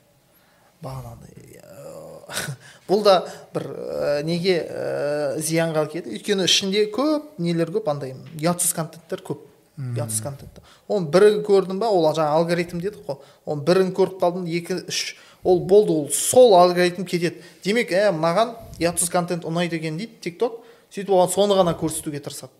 Тик ток соны көрсете береді көрсете береді көрсете и оның контенті не болып кетеді? Бірыңғай жаңағындай ыыы ұятсыз нәрсе болып кетеді. Және бұл ә, негізі миға қатты әсер етеді. Қазіргі жастарымыз енді кейде қатты айтқым келеді бірақ андай болып қаласың да жаман көрініп қаласың да адамдарға ше. Негізі мен жаны ашып айтамын да ә, жалпы. Ой өрістері нетіп қалған. Төмендеп қалған. шектеліп қалған. шектеліп қалған жаңағыдай түсінбейді қарапайым пост түсінбейді. Оқыған нәрсе. Бәрі түсінікті жазылып тұр да. Соны түсінбейді мысалы мен ма- марафон өткізіп жатырмыз енді басқа. Сол кезде жазып қоясың бәрі жазылып тұрады да. Сол жазылып тұрған нәрсені сұрайды комментарийде оқуға ерінеді. Мен бір рет бір пост шығардым оның ішінде мысалға мәселені жаздым сол мәселені. Мына мәселе қалай екен? Бұл солай ма? Жоқ па? Иә ма деген сияқты. Иә. оқыңыздар деп сол шығарып қойдым. Сол бір бауыр жазады подписчик. Жаңағы оқырман. Енді қалай дейді да маған? Енді мен не үшін шығардым дедім мен мына пост не үшін шығардым? сіз оқу үшін шығардыңыз ғой? сіздер қалай екенін білу үшін. есіме түсіп кетті ғой ана ораза айтты ма сондай ғой ораза айт күні ораза ұстай ма деген сізде бір пост бар еді ғой Сәресі ғой. сәресі о сәресі. Тоже. Қызық сұрақ та мысалы. Мен просто есім ол жеке пост жазды да. Есіңде сіз жаздыңыз иә? Иә иә. Бола ма деген сұрақ прям үлкен бір жирныймен жазылып тұр да. Бола ма деген сұрақтың ответі тұр да. Соның астына сторис қой бола ма деп жазып соны күлгім келді. Мен енді тик токқа байланысты енді бұл жерге бір жағын айтты мен негізі м, жақтағым деп айта алмаймын бірақ бір зат түсіндіре кетейін. Қазіргі қазіргі ғаламтор интернет ол үлкен шығар бірақ үлкен свалка сияқты свалка деген не өте үлкен свалка негізі. Свалка ғой кәдімгі? Ә, жаман жақсы мағына өздеріңіз шешесіздер бірақ ол свалкада кез келген зат дүниеде табуға болады жақсы пример ол біздің абылай кенжеәлі бауырымыз. Иә. Машалла қуатты қуанамын сол әбекені көрсем өйткені әбеке жақсы бір контент жасайды. Өте ә, керек контент жасайды да мысалы. Және бүкіл ә, қазір әлеуметтік желілердің ішінде неге қазір тик ток жарып жатыр өйткені тик токтың рекомендательный система деген бар. Ол бағана жасанды интеллект арқылы жасалады. Яғни ол сіздің ыыы мысалы мен нәрікби болса нәрікбиге не ұнайды деген анализ жасайды. Ол қалай жасайды? Мысалы мен бір видеоны аштым қанша секунд қарады? Лайк басты ма баспады ма? Профиліне өтті ме өтпеді ма бәрін есептейді да сенің бір профилің шығарады. А мынаған осындай реклама беру керек екен. Мынаған осындай контент беру керек екен. Енді жаман жағы бар. Бірінші жағы. Ол жекен айтқан жағы. Енді сен бір ұятсыз концерт көрсең ол түсінеді а мынау бір ұятсыз контент ұнатады и жібереді саған құяды саған бірақ оның жақсы заты да бар. Мысалы мен абылайдың ә, абекеңнің ә, видеосына лайк бастым келесі видеосына лайк бастым. И баса беремін баса беремін тик ток түсінеді «е, мынау бір иманды жігіт екен оған тек жақсы беру керек и болды маған тек халал контент болады да енді ана жерде иә мен өйткен бір бауырым бар тик тогын ашамын машалла тик ток енді ашсаң бір настроениең көтеріліп бір хадистер бір түрлі түрлі әдемі жерлер ойлаймын сен қалай настроить еттің мен жұмыс істедім дейді вот буквально бала жұмыс істеген айтқан прям айтқан маған не ұнайды маған мынау керек мынау керек мынау керек и специально сол станциялар бар бәріне лайк қойып шыққан болды алгоритм үйреніп алған тек сондайды көреді. Яғни айтқым келгені мынау ә, бір бауырлар бар жақында бір қайсысы бір ұстаз бір айтқан еді есіме түспей отыр. Бірақ айтады да ұстаз мен ютубты ашсам бір ұятсыз заттар шыға береді не істеймін не істеймін сөйтсе айтыпты «Я- бауырым сен оны айтпай ақ қой ешкімге депті неге десе значит ютубта ақымақ емес ол түсініп отыр саған ондай видео ұнап тұрған дейді да енді. Біздің михрабта да басында сондай бір жағдай болған енді айтып ә, көрермендеріміз ұялтпай ақ қояйық мен ә, нәреке негізі мен бұл жерде жаңағы ойымды аяқтамадым негізінде ше мен тиктокты қолданба дегенге шақырып жатқан жоқпын асылы да Ә, тикток біз бұл алаңды тастап кетсек бұл алаң жұмыс істей береді Иә. яғни жұмыс істей береді. Ә, оны дұрыс пайдалану қажет та. Жаңағыдай бауырымыз сияқты не істеді? Дұрыс нәрселерге лайк қойып деген секілді.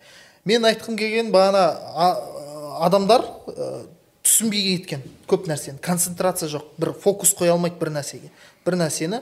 Өйткені не? Ол бағанағы вайнды көреді немесе басқа видеоларды 15 секундтық тикток көреді. Ананы ми қорытып үлгермейді тағы келесісін көреді тағы келесісін көреді тағы кел... и, и әртүрлі әртүрлі да контент әртүрлі. Біресе андай біресе басқасын көреді. Содан ми бір нәрсеге зейін қойып ойлана алмайды. Ойлана алмайды ол негізі өте не миға қатты зиян негізі ше бір сағат сағаттап отырып әртүрлі видеоларды көру. Әсіресе ол қысқа болса да. Ол біз масштабный бір киноны айтпаған күннің өзінде ол қазіргі киноларды білесіздер марвел болсын басқа болсын олар Кадрлар тез ауысады кадрлар тез ауысады клиповый мышление соған нетеді да. А мына жерде дәл солай да. Сіз кадр тез ауысып отыр да сізде. И еще ол тақырып ауысып кетіп жатыр да. Кинода ең болмағанда бір бір тема кетіп жатады ғой сәл болса да. Мына жерде тақырып ауысып кетіп жатыр да. Басқа тақырып басқа тақырып басқа тақырып. И ми ә, фокусы жоғала бастайды. Адам бірдемені оқыған кезде бірден түсіне алмайды. Ә, сондай болады да. И соны жастар кейбір жастар байқап жатырмын түсінбей қалады. Жаңа қарапайым сұрақтар қояды болмайтын сұрақты қояды Иә. кейде. Сонда айтқым келеді кейде айтам қатты қатты деген дұрыстап айтамын да бұл сіз сәл ойлану керексіз ішіне кіріп қарау керексіз деген секілді. Соны жасау керек. Сондай бір зияны бар. Одан кейін тикток енді ә, жастар ә, тиктокқа кірген кезде біз енді діни мәселені айтып жатырмыз діни діни контентті тек сол мысалы абылай кенжәлі деген секілді маман яғни дінді оқыған адамдардан діни мәселелерді қараған дұрыс болады. Яғни именно сенімді. Иә сенімді ә, шынымен ә, яғни білетін ә, әсіресе ол фихи мәселе болса сондай бір үкімдер болса харам халал жайындағы үкімдер болса. Ә, құдайдың барлығы басқа емес ол ол әрбір мұсылман айтуы тиіс нәрсе ғой ол Иә. құдайдың бар екені қарапайым нәрсе. А бірақ халал мен харам мәселелерінде сондай мәселелерде ә, кез келген адамды тыңдаудың қажеті жоқ. Және тиктокта немесе басқа инстаграмда айта береді да кейбір адамдар. Өздерінше жаңағы өздерінше деппін ғой. Ыыы, өз бетінше да айта береді үкімдерді. Ол қорқыныш. Мен өзім дін ол нұрмарак төрт жыл оқыдым. Қазір мына жерде үш жыл жүрмін түркияда. Оның өзінде ойланасың "Ол бұны айтайын ба? Мынандай хадис ха- бұл хадис былай ма еді? деп нақтылап қарап аламын. Алла ешсі атынан жалған сөйлеп қоймас үшін мысалға да. Оны өтірік айтып жіберсең болмайды да оны. Мындай хадис бар екен деп не істеуге бағана айта беруге да. Сондықтан сондай ә, кісілердің ә, әрбір қараудың да қажеті жоқ та не істеп. Иә. Діни мамандардан ұстаздардан солардың контентін көруге тырысу керек. Және біз солай ә, мұсылмандар мына жерде біз мұсылмандар қарап жатыр ғой. Біз мен айтамын мынандай енді біз қазір айтып жатырмыз ғой тиктокта вайн не көп не болып кетті басқа ә, бағанағыдай ә, атақты болып кетті соны көреді барлығы дейді. Неге? Өйткені олардың лайктары көп. Ал біз өз охваты көп. охваты көп. Сол үшін оларды көреді да. Бізді мысалға қазір михрабты көріп жатсыздар. Лайк басыңыздар. Лайк. Лайк қажет та. Соны қарапайым тегін лайкты басуға яғни түсінемін енді көбісі лайкты бір өзінің бір несі ретінде көреді деп ойлаймын бір. Жеке бір кәдімгі бір сыйы ретінде ма яғни сен лайықсың бұған деп шынымен бүйтіп лайк басады емес лайық деп па иә лайк лайықсың деп басады. Иә. Ә, сөйтеді да. Сол біз мұсылмандар біз бір бірімізді қолдамаса яғни біз жақсы контентті қалаймыз ба көп таралғанын қалаймыз ба демек біз соған жәрдемдесу керекпіз лайк басыңыз комментарий қалдырыңыз алла разы болсын машалла. Мына жерде айтылған бір мәселені соны кішігірім сол, сол нәрседен не түсіндіңіз соны жазып кетіңіз өйткені ол ә, әртүрлі жаңағыдай ол жаңа алгоритм қалай жұмыс істейді. Барынша жаңағыдай бір бір келкі жаңа сөздер емес әртүрлі сөздер жазылса ол да әсер етеді да мына охватқа да Иә. әсер етеді. Сондай нәрселерді басып мынау ми- михрам михрабтың мысалы несіне? Көп лайк басып. Көрген көрдіңіз ба обязательно лайк басыңыз обязательно оны таратыңыз обязательно сториске шығарыңыз мысалы. Ал ә, жаңағы вайндар немесе жаңағы әртүрлі күлкілі басқа көп қой. Ә, немесе болмайтын бір контенттер. Неге олар кетіп атағы шығып кетіп жатыр өйткені әркім аямай лайк басады оны ойланбайды да. Және ә, не істей береді? Оны тарата береді. Анаған таратады мынаған таратады. Ал пайдалы контентке келген кезде біз саранды болып қаламыз да. Жасамаймыз оны. Оны жасау керек. Біз істемесек оны ешкім істемейді басқалар істемейді оны. Ә, дінсіз адам келіп мыналардың контенті әлсіреп жатыр екен лайк басып қояйық деп айтпайды да. ә, сөзіңіз аузыңызда мен де осы тұста ә, өзіміздің көрермендерге бір өтінішімді білдірмекшімін. Ә, біздің ә, осы неміз подкаст жобамызда көріп бірақ тіркелмей көретін ә, көрермендеріміз көп екен да. Сондай кісілер болса тіркеліп қойсаңыздар болады иншалла. Иә иә мен ойлаймын бірақ сол тіркелмегендердің кейбіреулері сол тіркелуді білмейтін шығар деп ойлаймын да.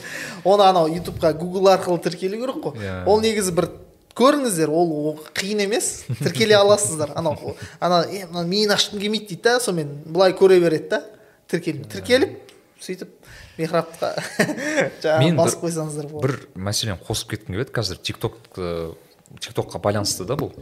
Біз жақында осы бір ыыы есімде болса сол как раз абылай кенжелі бауырымызбен осыны талқылап едік та тиктокқа байланысты. Жастардың қандай проблемасы бар деген осы тиктокқа тикток жалпы кез келген контентпен. Ол бағана клиповое мышление иә? Ана өте қысқа қысқа қысқа текст оқи алмайды ұзақ текст өте жүз қырық символдық твиттер оқиды өте 15 секундтық видео қарайды деген секілді. А, бұл жердегі мәселе оның қысқалығында емес негізі. Бұл жердегі мәселе оның тым көптігінде. То есть өте көп та информация. Яғни мысалы қалай ә, мен мобильный приложение дейді соны жазатын адаммын да. Барлық apple болсын үлкен компаниялар немен айналысады? Ол сіздің внимание дейді ғой орысша айтқанда зейініңізді тартуға тырысады да. Қазіргі жағдай былай сен телефонды ашсаң зейінді бәрі алады. Инстаграм пуш уведомление жібереді ютуб бір нәрсе жібереді анау мынаны жібереді. Бұл бәрі сенің зейініңді тартуға тырысады да. Бұл жердегі проблема мынау адамда бір секунд бос уақыт жоқ та ана жерде. Вот буквально секунд уақыт жоқ ашады анау ашылады. Тикток ашылады. Инстаграм лайк жіберіп саған. Қара оқы деп. Олар специально несе манипуляция да кішкене негізі ол бар зат. Айтады саған е қараса саған лайк қойыпты мына жерде деген сияқты. И ең қызығы жақында бір сұрақ қойғанда адамдар қай кезде қазіргі заманда қай кезде адамдарға мықты күшті идеялар келеді? Екі жерде екен. Айтайын ба қандай? Қызық өте. Қай жерде деп ойлайсыздар? Қай жерде? Қазіргі жастарда жалпы адамдарда қазіргі заман адамдарында ең күшті бизнес болсын кре- креативный бір екі жер бар екен ең популяр идеялар келетін. Мен ұялып тұрмын біреуін айтуға біріншісі мәшине руль үстінде. Иә. Екіншісі душта. Неге айтайын ба? Себеп? Себеп ол жерде сен инстаграм қарай алмайсың. Өзіңмен қаласың тыныштықта қаласың. о- адам жаңағы босайды ғой былайша босайды. вот айтқым келгені мынау адамға бір 10-15 минут тыныштықта отыру отыра алса болды солға жеткілікті деген негізі. Просто тыныштық то есть буквально телефон жап та отыршы просто. Отыр вот. Медитация ештеңе істеудің қажеті жоқ. Зікірін де просто отыр өз өзің ойыңмен. Миыңда ойлар бүйтіп фонтан болып жатады ғой негізі ше. Иә. Бірақ негізі соны басқара алсаң машалла ке- керемет дүние жасауға болады мен де өзім байқаймын мысалы. Менде де болған жағдайда өйткені машина айдап келе өйтесің мен неге былай істемедім өйткені ойың сен басқа жақта да машинаның үстінде машинально айдай бересің ғой бүйтіп кейбір кісілер бір қол рульде бір қол телефонда ғой ондай иә ол да бар. Енді ол кісілерге енді әңгіме жоқ. Бірақ енді айтқым келгені осы. Яғни қазіргі заман жастарына әсіресе тыныштықта қалу деген өте бір не екен қорқынышты екен вот буквально прикиньте өз өзімен уақыт қалдыру өз өзімен енді сол кезде жақында ғана түсіне бастадым айтады ғой анау қиямет күні бір адамдар бар ғой анау не сұрақсыз сұрақ есепсіз жәннатқа кіреді деген бар ғой енді. Оның ішінде бағанағы қандай бір бірнеше категория мысалы есінде болса ыыы мешітке кішкентай кезінен барған бала есінде или ол басқа ма в общем ішінде бір категория бар да есінде болса ана жалғыз қалып дұға еткен жасы. А ол жаңа айтқаным ғой. Аршын көлеңкесінде а ой шатастым иә иә аршын көлеңкесінде болатын. Жоқ Иә. жоқ. Сол ғой. Ол алланы и мен ойладым да жақында не субханалла дедім. Осы ғой. Енді мен ойлайтынмын бұрында. Оны мың рет естігемін да ол хадисті мың рет естігемін яғни адам жалғыз қалып несі бар? дейтін бұрында. Ну жалғыз қалдың қалдың көзің жылады дұға айттың вроде енді жасай алатын тірлік қой. Ойлайсың бірақ неге сондай алла тағала сондай бір не істеп қойды да оны аршының несінде болады көлеңкесінде болады деп. Оказывается қазір түсініп отырмын. Өйткені жалғыз өзімен қалу ол да бір тір, не екен батырлық екен. Кімнің ә, білмейтін адам жоқ шығар имам ғазалидің ихя кітабында. Ә, имам ғазалидің жалпы нәпсіні тәрбиелеуге қатысты әдістерінің тәсілдерінің ішінде өзімен жеке қалып пікір жүргізу деген нәрсе бар да таңертең кешке. Таңертең жаңағыдай бүгін не істеймін не қыламын деген сияқты. Және кешке бүгін не істедім қандай амал жасадым? деген секілді өзімен отырып саралау. ә, саралау иә. деген сияқты. Хазірет омардың алла ол кісіге разы болсын сөзі бар Иә, емес пе? иә.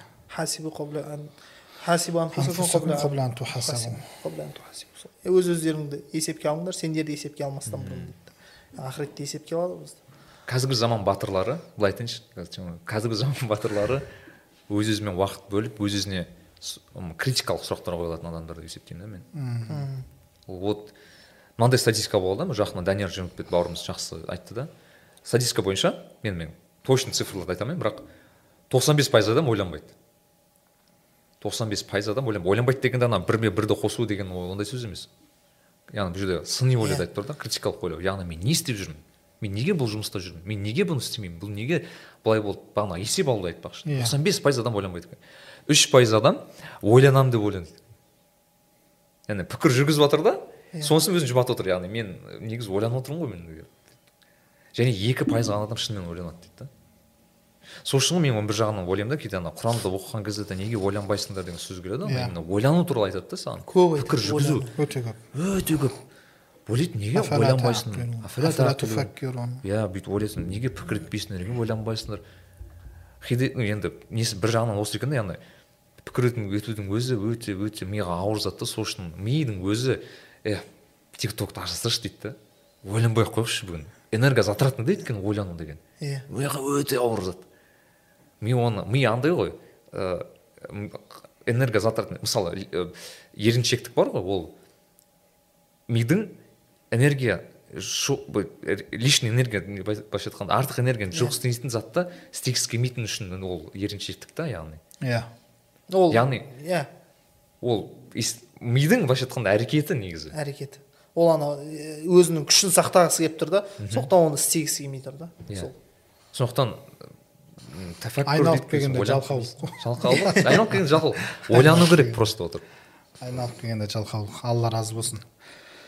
Ә, енді келесі біттіңіздер ғой жалпы иә? Мәселе талқыланып бітті ма әлде қалып кетті ма жоқ жоқ қалмаған сияқты. Ә, жастар арасында қазіргі таңда жұмыссыздық өте көп. Иә. Ә, содан кейін одан қалса көп жастар өз қалаған емес ата анасының қалаған мамандықтарын таңдап соған түсіп жатады. Иә. дұрыс па? Ә, кейбіреулер грант үшін мысалы өзі қаламайды бір мамандықты. Бірақ балы оның басқа мамандыққа грантқа жетіп тұр соған түсіп кетеді. Иә. Ә, осы қаншалықты дұрыс? Иә. Мен осыны айтпақшыдай соңғы бір жыл зерттеп жүрмін подкаст жасаймын ғой енді қазақ тілінде. Ә, біздің бір жақсы енді рекомендация жасасам дандай деген ағамыз бар данияр ә, данияр деген ағамыз бар. Инстаграмда осы ағартушылықпен айналысады деп айтайыншы. Сол кісі ә, қазір сондай жобамен айналысып жүр да жастардың ә, профориентация дейді ғой. Яғни дұрыс мамандық таңдау тағы басқа деген сияқты сондай.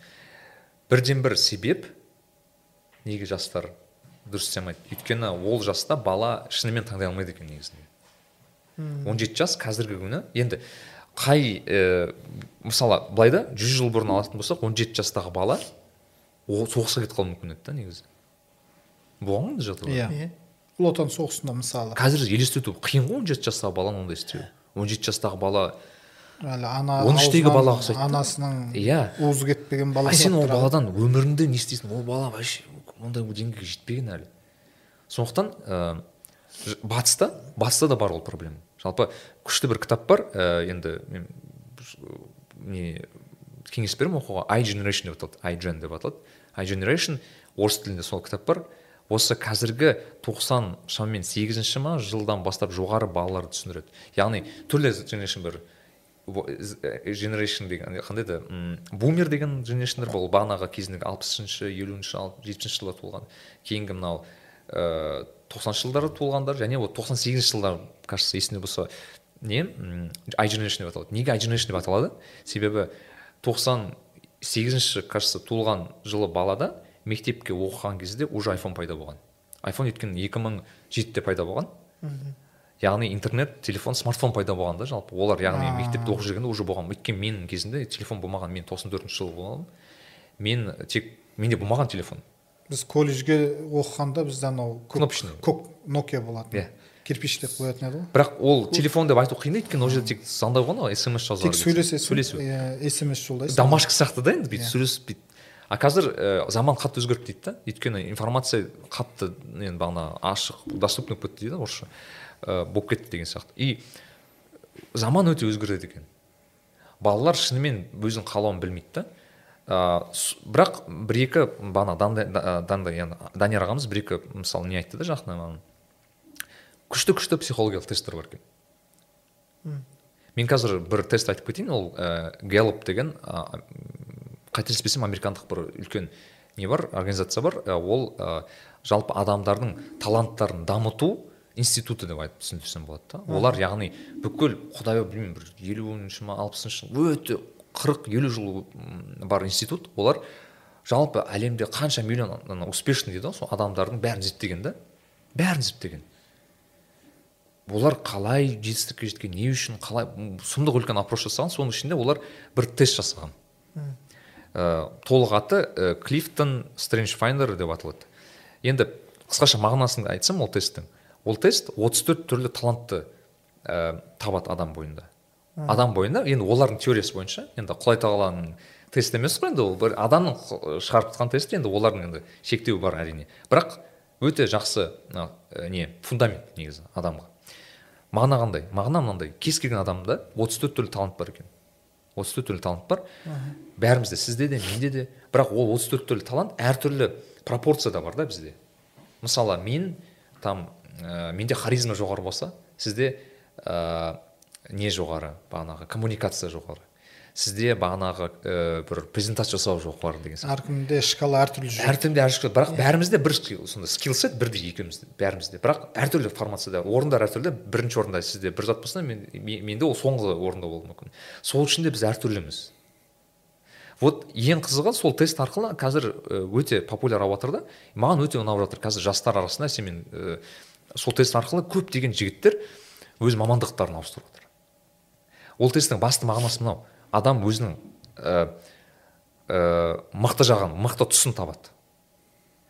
Мықты тұсын табады дегенде төрт түрлі адамның несі бар екен? Ә, секцияға бөледі да ол ағылшынша айтсам экзекютинг ол қазақша аударсам бір істі істей алу әдеті. Яғни бір адамдар болады айтасың е мынаны істеп жүрші десең болды ол сразу істейді бірдеңе істейді ол істемегенше ұйықтамайды. Сондай адамдар бар исполнитель дейді ғой ана сондай адамдар бар. Экзекютинг дейді. Екінші инфлуенс деген бар. Ол көбінесе блогерлер. Инфлуенс деген яғни ә, жалпы шетелде блогер деген сөз жоқ та инфлуенсер деген сөз бар. Ағылшын тілінде. Инфлюенсер деген яғни адамдарға бір ол көбінесе презентация жасайтын сатушы кісілер көбінесе сондай болады. Блогер кісілер сондай яғни халықпен жұмыс істей алатын адамдар солай айтады. Үшінші категория relationship building. Яғни адамдармен қарым қатынас түзей алу қасиеті да яғни бір адамдар болады қатынасты өте күшті жасайды. Э, Иә. сразу адам тартады деген сияқты. А, и төртінші ол стратег дейді стратегиялық ойлау. Ертең не болады? Общий бір картинаны көре алу мысалы ертең мынау болады мынау болады тарихты бір зерттей алу да ол бұрын мен істедім осы үшін қателіктер былай қайталамау керек деген сияқты. Ол төрт категорияны бөледі да ең қызығы әртүрлі мамандықта әртүрлі не керек? Мысалы программистқа көбінесе аналитикалық нелер керек. Ә, таланттар керек та. таланттар. Және исполнительный таланттар керек и осы екі мынаның төртеуі де біздің имамдарға қажетті нәрсе иә екен да. иә иә иә. Жоқ мен қазір соны жүріп та- танытқым келіп жүр да. Ол енді американдықтар одан ақшасы ол платный тест та просто бір елу ба доллар тұр бірақ өте өзінің ақшасын ақтайды. Өйткені онымен сен адамды определить аласың да кімнің кім екенін. Яғни болады қабілетін анықтау ғой қабілетін анықтау. Ең болсын анықтау. адамның қабілетін анықтау. И біз қазір ана ағамыз жасап барлығы енді өмірлік тәжірибеден пайда болып жатқан нәрсе ол иә яғни олар американдықтан бір ұнайтыны батыстың жалпы олар ә, ғылымды дұрыс пайдалана алған да. Яғни олар бүкіл миллиондаған адамдарды зерттеген да тест шығарғанда ол тесттің қателесу өте өте төмен. Ол андай бір простой а б дейтін тест емес ент тест емес. сексен тоқсан пайыздық не ғой? Өте жоғары деп айтайыншы. Хукмул күл деген иә андай да ә, бір сұрақ қояды сұраққа жиырма ақ секунд береді. Жауап беруге сен инстинктивно жауап беруің керексің. Өйткені адам оказывается бірінші не ойға келеді соны жасайды да. Өте сөйтіп жүз сексен ба сұрақ қойды соңында саған бір результат береді. Сол результатпен жұмыс істейді. Яғни сондай бір сондай сияқты тесттерден бастау керек деп есептеймін да. Мысалы он жеті жастағы бала болса тест айналайын тест тапсыршы. Көрейік сен қай жағың дамыған қай жағың дамымаған. Одан кейін сұрайсың саған жалпы мынау ұнай ма мынау ұнамай ма? Бала губка секілді ол кезде өйткені соған әртүрлі заттар беруің керексің сол кезде ғана түсінеді да не керек екенін. Иә. Өйткені қинап алып барсаң бала қанша дегенмен шығып кетеді мысалы мен көп жағдай болған менің өзім программистика оқыдым ғой. Бір бала болады мә бір қиналады да. Онікі емес та программирование көріп тұрмын не қиналып жүрсің деймін ғой. Не қиналыс. Сол баяғы грант та. Иә грантқа түскен енді тастай енді айтамын ладно сен тастай алмасаң да параллельно бір нәрсе оқып жүрші. Өзің қызығатын. Мүмкін сен мықты сатушы шығарсың. Мықты сен жақсы білмеймін бір ыыы басқа мамандықта мүмкін сен архитектор шығарсың деген сияқты. Ең болмаса енді әрине қаражат мәселесі да бұл жерде. Расы жоқ ол оқу өте қымбат тұрады қазір. Көптеген ауылдан келген балалар ондай не жоқ өйткені мектеп бітірген балаға өте қатты қысым. Өте қатты қысым. Қазақстанда суицид мәселесін білесіздер қандай жоғары? Соның бірден бір себебі енді. Қысым деген просто айтам айтып жеткізе алмаймын қандай жауапкершілікті артып тастайды. Ата ананың үлкен проблемасы бар кстати бұл жерде. Вот мен ата аналар тағы бір ескерту. Балаға ешқашан сен мынаны тапсырдың тапсырмасаң біттің деген сөзді ешқашан айтпаңыздар. Бала өйткені өте оңай қабылдайды. Бала өйткені неге бала суицидтар айтайын ба көбінесе? Өйткені бала былай ойлайды.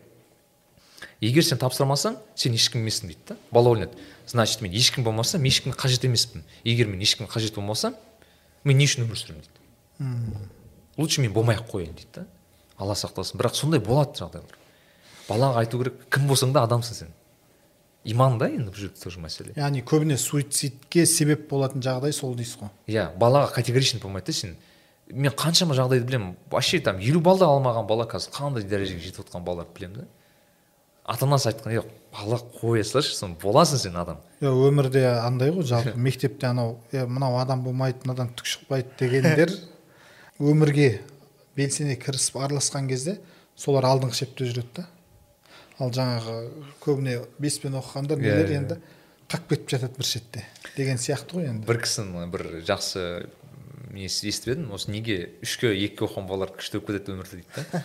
Соны өмірде кетірген да. Ә, айтады да ә, бір күнді алайық дейді. Мысалы үшке оқыған баланың айтады беске оқыған баланың өмірін алайық дейді да. Ол қалай? Ол исполнительный дейді да. Ол тұрады да оған апай айтады ертең осыны алты сағат болады ол кешке барады да күнделікке жазады да бәрін жасайды дейді. Тиянақты әрине әдемі жақсы дұрыс да. Жасайды жасайды жасайды жазады прям оқиды көзі талғанша жатады таңертең барады деген сияқты. Үшке оқыған бала не істейді? Ол жасамайды оның бәрін айтады ішім пысатын әңгіме ол қойшы по- просто мен де енді үшке оқығанмын да арасында. Просто қызық та үшке оқысаң сен андай бір ііі жетіскеннен оқымайсың просто саған қызық емес та ол. Әдебиет дейді ну не істеймін мына тарих вообще қызық емес дейсің да қойшы дейсің. Бірақ қызық та сен мектепке барасың сен әдебиетті түсініп отырсың да саған тарихты көшіріп үлгеру керек та ана жерде былайша айтқанда. Экстрим да жағдай сенде короче ана диктант жазып жатрсың диктант үстіне ананы да жасап үлгеру керек. Енді сенде қайша движение көп та сенде былайша айтқанда. Мектеп кезінен басталады да. Әрине дұрыс емес. Мен қазір жақтап отқан жоқпын бірақ баланың үйреніп еті сіңіп кетеді да динамичный болу керек екен адам. Адам бір жерде тұрып қалмау керек екен. Кейін университетке түскен кезде сондай проблема болады көбінесе менде менде болған жағдай мен физмат мектепте оқыдым да. Бізде кейбір беске алтын белгі оқыған балалар летоға қалды. Мен мен ііі летоға қалды кәдімгідей. Мен қалдым е қалайсыңдар? мектепке алтын белгі бітірдіңдер физматты бітірдіңдер. Қалайсыңдар? жазда қалды сөйтсе бағанағыдай да олар бәрін үлгереміз деп ойлаған да. А университетте мүмкін емес бәрін үлгеру. Университетте өмір сүріп те үлгеру керек негізі мысалы. Иә келісіп те үлгеру керек кейде. Кейде, бір ыыы мысалы апай бір зат давай апай мен лучше былай жасап көрейін альтернатива бағанағы көшіруді айтқан жоқпын бұл жерде мен альтернативный бір жолдарды үйрету деген сияқты. Университет негізі білім емес ол саған өмірді көрсетеді да. Иә. Өмірге соны дайындық қой былайша айтқанда ол сондықтан ә, бір кеңес наверное сол балаға категоричный болмау. Бала онсыз да ә, он бірінші класс қатты стресс алады. И ол балаға сен тапсырмасаң оқуға түспейсің ауылда қаласың тапсырмай ақ қойсын сол бала. Бірақ ертең ол балаға детский травма деген бар психологияда. Өте өте қиын. Ә, восстановление дейді ғой оны қайтару өте қиын. Кез келген жалпы бір не бар ә, зерттеулер бар кез келген адамда детский травма бар екен негізі. Просто әркімде ол әр деңгейде да бір кішкентай кішкентай кішкентай мелкий бірақ үлкен кейбір адамдарда қатты үлкен болса ол кейін орысша айтқанда аукнуться етеді да ол адамға. Қиын қиын болады. Сондықтан ә, ең жаман енді әрине суицид бірақ ол суицид болмаса да көптеген мысалы психологиялық ауруларға соны алып келуі мүмкін сондықтан балаларыңыздың несіне қатты ол өйткені өте өте үлкен аманат негізі. алла разы болсын. Иә. енді жақында ә, не болды? бізде ұбт аха. Ұбт болды дұрыс па? тест болды. Енді өткендер бар өте алмай қалғандар бар. Әрине. Енді сол өте алмай қалғандарға ә, жастарға қандай кеңес айтар едіңіздер? Нұрмұбараққа түсіңіздер десең өтірік айтамын. Өте алмай қалғандарға. Ол өмірдің соңы емес. Ол өмір онымен тоқтап қалмайды өмір ғой. тоқтап қалмайды. Мен өзім жеке ә, аз балл жинап қалған едім. Бар жоғы ә, жалма айта беріңіз қырық жеті ма? Сондай жиналдым ғой жинадым ғой. Өт проходной жоқ. Неге проходной елу болып тұрған кез иә ғой елу болып тұрған кез ғой содан барып біздің кез жақсы болған көп жерге тапсырайын десем. Математиканы мен оқымағанмын да дұрыс. Математиканы дұрыс оқымағанмын содан математикадан ең аз алып қалдым. Көп жерге көп мамандықтарға тапсырайын десем ол кезде де анықтамағанмын ғой әлі. Ол кезде сол 18 жасымызда бітіріп жатырмық қой. Кім болатынымды анықтамағанмын мен мүлдем. Бірақ алла мені сондай бір жаратты. Ә, уайымым менің сәл аздау адаммын да мен ше принцесс болады деп па? Иә сөйтіп жүретін адаммын да. Сондай бұл бұның жақсы тұсы да бар жаман жағы да бар. Сондай. Э, сол ә, сол себепті мен бір қатты бір қайғыға түспедім бір қай, жаңағы депрессия дейді енді қазіргі таңда. Сондай ол. Сосын қай университетке тапсырайын десем де де жаңағы математика үшін математика тым аз да алты ақ балл ма сондай менде. Иә, иә. жеті баллға жетпейді дейді жаңағы соны алмай талмай әйтеуір туризм и спорт дей ма сондай бір неге тапсырдым неге. Ол не болды? Ба ақылыға тапсырдым ғой енді. Ол ақылы ақша болған жоқ. Сөйтіп оқымайтын болдым. Оқыған жоқпын. Сөйтіп жүрген кезімде не неге түсіп кеттік? А түсіп кеткен жоқ достарым жақындарым біздің қалада сол сәтпаев деген қала негізі жезқазғанда не ашқан екен да? Ә, телевидение да телевидение ашқан. И сол жерде менің жаңа достарым істейді досым именно досым істейді. Оператор болып тұрған екен видео оператор болып. Сөйтіп солардың қастарында жүріп мен де сол жаңағы темаға кіріп алдым. Солардың қастарына жұмысқа кірдім. Сонымен сол жұмысты істей бастадым. Сосын сол жұмыста қанша жыл жүрдім? Үш жарым жыл ма? Төрт жыл ма? Сосын барып сол кейін ойымды бас имам өзгертіп қаламыздағы бағдәулет ұстаз алла ол кісіге разы болсын. Сол кісі өзгертіп ойымды сен одан да діни оқу оқы. Ал менің өзімнің немде мен ұлттық арнада да не істегем. Үш жарым ай ма? сондай істегем екі жарым айдай не стажировка ретінде жүрдім. Бірақ ары қарай жұмыс істеймін деген. Жаңағы таңшолпанда болдым ә, режиссер ассистент болдым. Ә, съемкаларға ол машалла. Білмеппін ондай. Неге қатысып? Жаңағыдай ә, астанада жүрдім ғой сол бақыт іздеп дейміз ба астанаға бардық поисках счастья, иә в поисках счастья кеттік қой. Сол жақта ә, сол кезде ойымды жоғалтып кешіріңіздер. Таңшолпанда жүрдіңіз? Иә таңшолпанда жүрдім. Режиссер ассистент болды режиссер мен бүгін ше шаршап қалдым кәдімгідей шаршайтын уақыт жоқ жоқ не не айтайыншы қазір. он екі жарым болды. біз не жайында айтып жатырмық жастарға иә грант мен сол не істегенімді иә. оқуға түсе алмай қалған жалпы жастарға Э, насихат. сол неде неттім? Ә, жұмыс істедім да. Сөйтіп мені сол ә, сол жерде жүрген кезде ә, бас имам кейін сенің нең жоқ не дипломың жоқ ә, сен одан да діни оқу оқы. А мен міне есіме түсті. Мен сол кезде қалайтынмын не? Енді осы неде жүргендіктен телевидениеде өзімнің бір жеке діни бағдарламамды қалайтынмын. Ол кезде уже намазханмын. иә иә. Ол кезде діни бағдарлама болса өзім жаңағы үлгі тұтып жүрген мысалы кейбір ұстаздар бар ғой соларды шақырсам деп сондай осындай ойлайтынмын подкаст түсірсем деп подкаст деген ол кезде түсінік жоқ еді бірақ жалпы сондай бір бағдарлама. иә сондай жүргізгім келетін сосын е ұстаз осылай менің ойымды өзгертіп айтты ойлап қалдым. Иә керісінше досым да басқа досым айтты. Сен өзің осыны қалап жүрсің ғой как раз сен маманы болып сұхбат аласың дегендей сияқты. Е шынымен ақ мен маманы болып одан да кейін сауатты жүргізуші болмаймын ба иә? Сізден ма ол Сізден- менен мен- алған ол кезде сіз оқымадыңыз Айтпақшы, иә. мен ол кезде студент болып жүргенмін. Машалла қалай иә? ұстаздан бірінші алдым да ұстаздан ол кісі ә, осы шымкентке келген кезде демалыс мен уақыты демалыста құран жайында мен құран кереметтілігі деп анау әсерленгенмін ғой. Қанша жыл бұрын болды ол? Ол екі мың он алты или он жетіде болды ма сондайда он алтыларда он алты болды, иә. 16 кім білсін алты жылдан кейін осылай деп подкаст жазамыз машалла ұстаздан сұхбат алғанбыз содан ә, сөйтіп оқуға кетіп қалдық осы нұрмараққа сол нұрмарақта жүрген кезде таң қалатынмын мә мен оқып жүрмін ба деп мен вообще оқуға жоқ еді желание мен уже ана болды осы телевидение деген нәрсеге кіріп кеткенмін ғой. Осы немен жүремін өзім таптым дегендей сияқты Иә, иә. болғанмын да. А бірақ ә, негізі сол жаңағы таңшолпанға түсе алмай жүрген кезімде жаңағы жұмысқа кіре алмай жүрдім да. И сәтпаевқа қайтып келдім. Сол кезде депрессияға сәл түстім. Адамға қиын екен негізі жас адамға әсіресе. Ол кезде мен жасым жиырма бірлерде болды. жиырма жиырма бір мен а жоқ жиырма үште болып қалды уже Иә, сол кезде ә, мен енді кім боламын бұл өмірде? Мен егер мына нәрсені де істей алмасам өйткені біздің ел сәтпаевта уже ана телевидение өшіп жатыр да айлық қағаз ол жерде жұмыс істеу. Не істеймін болашағым не деген сияқты ма? Мен не істеймін не оқымағанмын? Не істеймін мен деп ше?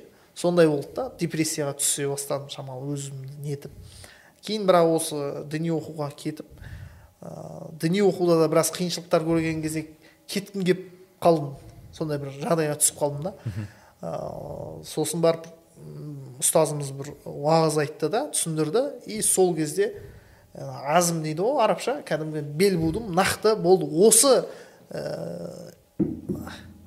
уверен бол- жас келе жаздады ғой. Осы дін незде Жолында? жолында қызмет етемін осы нәрседе мен жүремін деді. Сол кезде нық бір шешім қабылданды жүрекке келді да. Иә. Сол сәттен бастап әлі өзгерген жоқ ол нәрсе. Машалла. Осы күнге шейін енді аллаға шүкір сол жерде осы қалай болса да осы ислам дініне қызмет қыламын осы нәрседе жүрмін менің мамандығым осы деп мен түсіндім сол кезде. Болды осымен келді яғни бұл жерде ентіден құласаңыздар ойламаңыздар сіз өзіңізді жоғалтып алдыңыз басқа. Сіз бәрібір өзіңізді басқа бір қырдан табасыз. Бағана айттық қой ә, нені? Мамандықты Иә. таңдай алмайды ол білмейді ол кім болғысы келетінін. Мен де білген жоқпын ол жасымда он жеті жасымда өзім кім болатынымды. Кім болғым келетінімді де ойлай алмадым. ә, бір қызық нәрсе ә, кешіріңіз ол жерге. Енді алланың қалауы ғой бұның барлығы. Иә, аллах тағала осы жолға алып келді осы қызметке алып келді. Мен негізі ә, неден әскери саптан өткенмін да әскери борышымды өтегенмін. Он сегіз жасымда ә, шекара қызметінде болғам. Иә.